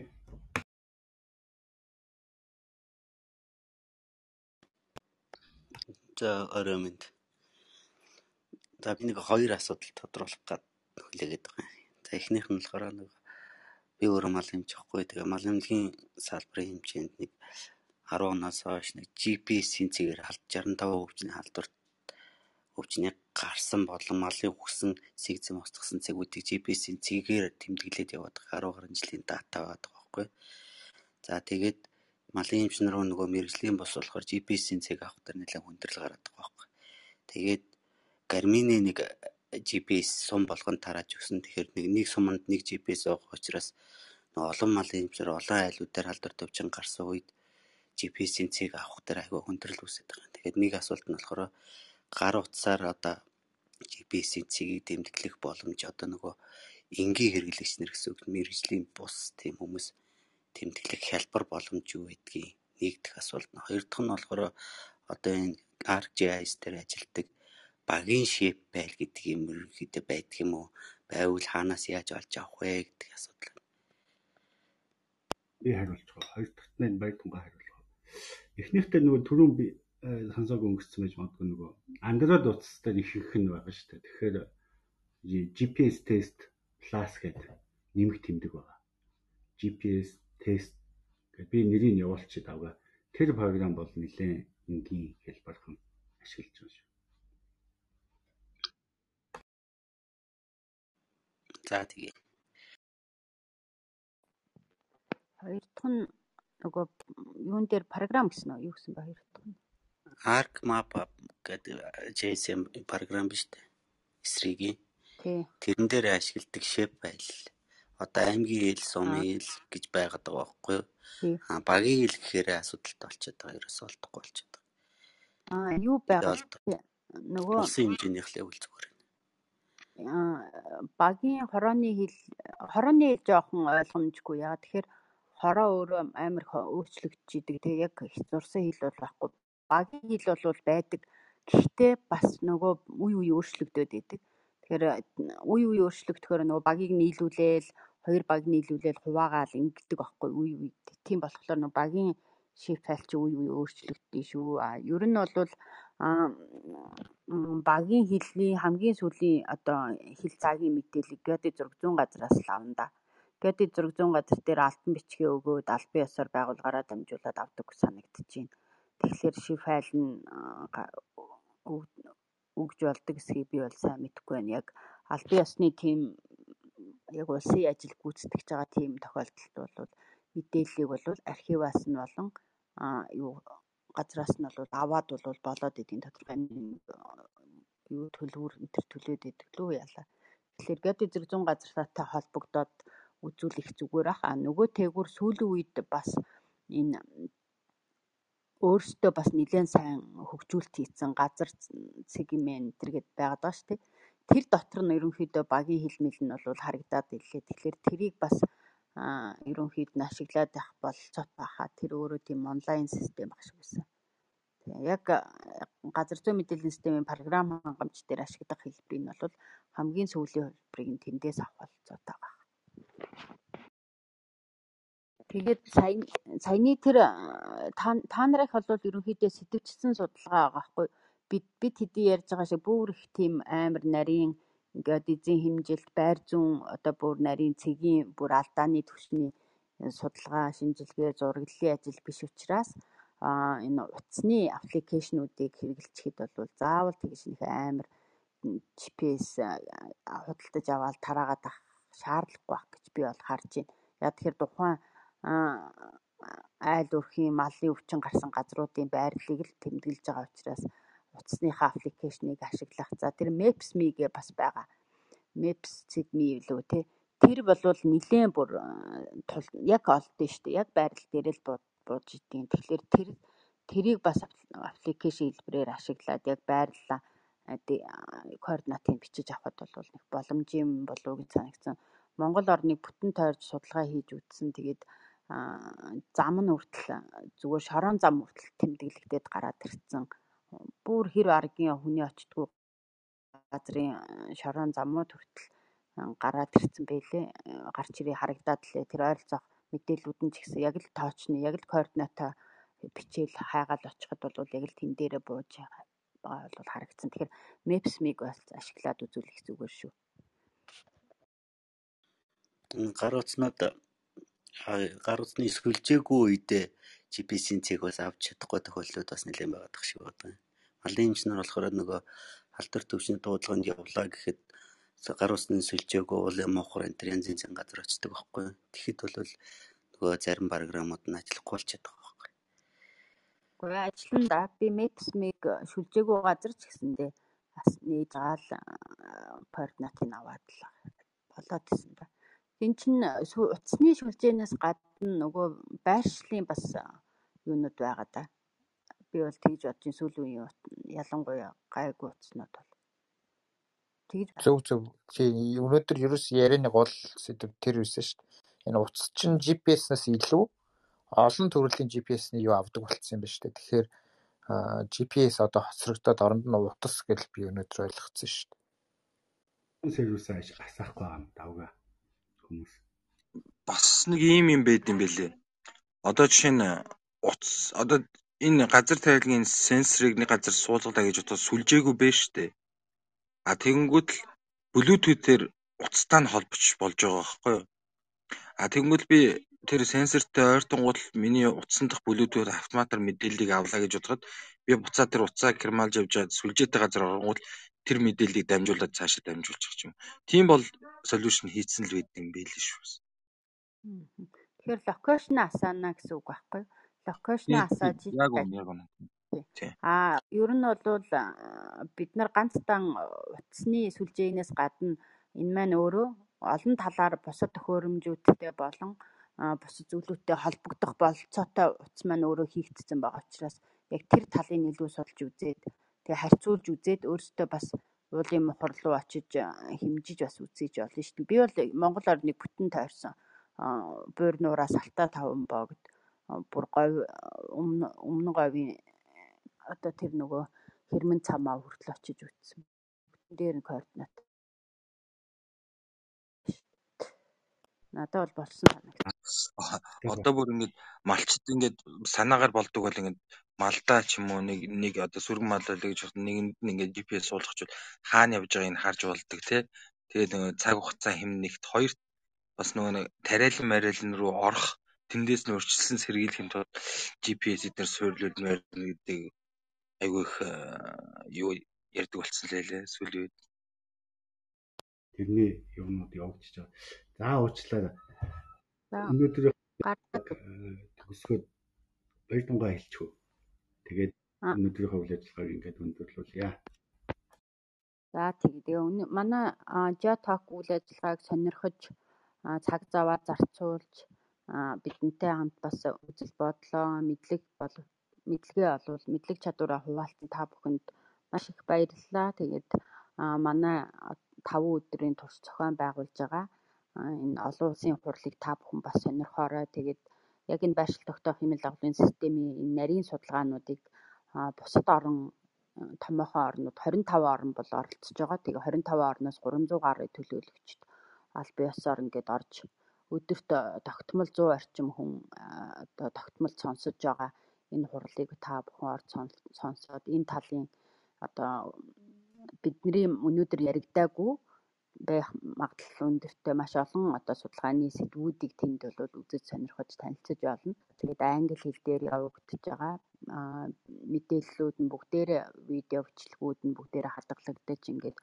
үлдчихэж байгаа. Тэгээд та бүхэн сонирхуул орж сонирхоорой гэж та бүхнийг урьж байна. Тэгээд маш их баярлалаа. Манагийн 7 манай одоо 7 хоног болгоны 3 дахь өдөр болдог энэ Geotalk-д дахин бол орж та бүхэн сонирхолтой сэдвүүдийг сонсоорой. За мөн дээрээс нь бид нэр сар болгон геомитинг хийдэг. Тэгээд тэр геомитинг дээр хоёр ихтгэл танилцуулдаг. Одоо одоогоор бол бид нар онлайнаар хийгээд ингэ явж байгаа вебинар хэлбэрээр тэрийг та бүхэн бас сонсоорой. За мөн бас бид нар улирал тутам нэг удаа сургалт юм уу geoforum юм уу workshop зохион байгуулдаг байгаа. Тэгэхээр энэ удаагийнх бол энэ жилд бол жилийн хувьд бол энэ UN-ийн хурал бол нэг том ажил байгаа. За тэгээ бид газар зүйн мэдээллийн системийн өдрийг тэмдэглэдэг. За тэр нь бол сарын 7 хоног буюу энэ жил 11 сарын 17-ны өдөр зохион байгуулагдана. Тэн дээр бас тодорхой хэмжээний яг газар зүйн мэдээллийн систем, зайнаас тандан судлал, байршил тогтоох хэмнэл дагуулын системтэй холбоотой үйл ажиллагаа, илтгэлүүд, сургалт, семинарууд ийм сонирхолтой одоо үйл ажиллагаанууд бас зохион бүтэн өдрийн турш зохион байгуулагдана. За ингээд мөн бас бид нар жобэр гэж хийдэг байгаа хүмүүс орж нэг газар бол чөлөөтэй яриа P1-га чөлөөтэй яриа өрнүүлдэг. Тэн дээр мөн бас ийм хоёр ихтгэл танилцуулагддаг байгаа. За тэрийг бид нар бол 12 сар 5 сард энийг зохион байгуулдаг. Яг дроноор дронд зориулсан үйл ажиллагаа дроноор хийж байгаа тэр томоохон олд амжилтуудыг бол танилцуулахыг хичээдэг. Тэгэхээр манай үйл ажиллагааг манай нийгмийн сүлжээг дагаад манай үйл ажиллагаанууд төвхтөө оролцоорой. За дээрэс нь боломжтой бол гадаадд байсан ч гэсэн хамаагүй бид нар бол онлайнаар мэдээлэл солилцдог учраас та бүхэн нээлттэй оролцоод мөн бас манайд гишүүнээр илсэх юм бололцоотой шүү. Гишүүнээр илснээр маш олон давуу тал мэдээллүүд хүлээж авна нэгдүгээр, хоёрдугаарт бас та гишүүний татвараа төлснөөр бидний үйл ажиллагааг дэмжиж цаашид бол хийх энэ томоохон ажлуудын суурь болдго юм шүү гэдгийг бас хэлье. Тэгэхээр энд бол бидний зохион байгуулж байгаа үйл ажиллагаа бол ганцхан бид энд ярьж байгаа боловч цаана нь бол бүхэл бүтэн манай нэг нэг одоо гишүүн бүрийн оролцоо байдаг гишүүн бүрийн одоо дэмжлэг байдаг шүү гэдгийг бас энд хэлмээр байна. Тэгээ үргэлж бас дэмжиж ажилладаг хүмүүстэй бол талархаж байна. За баярлалаа. Баярлалаа. Дараагийн 3 дахь өдөр бид нэр ОСЕН буюу нээлттэй их усурын тухай хэрэглээний тухай танилцуулагдана. 11 сарын 3-нд 11 сарын 10-нд бас ArcGIS системийн тухай Momap компани төлөвлөж Монголд халбасан дистрибьютор танилцуулагдана. Тэгээд бид нэр 11 сарын 17-нд газар зүйн мэдээллийн системийнхаа өдрийг тэмдэглэхээр ийм хуваарьтай манай үйл ажиллагаа явагдана. Та бүхэнд өнөөдөр цаг гаргаж сонссонд та бүхэнд баярлалаа. Ингээд өнөөдрийн үйл ажиллагааг өндөрлөж өрөөг хаяа.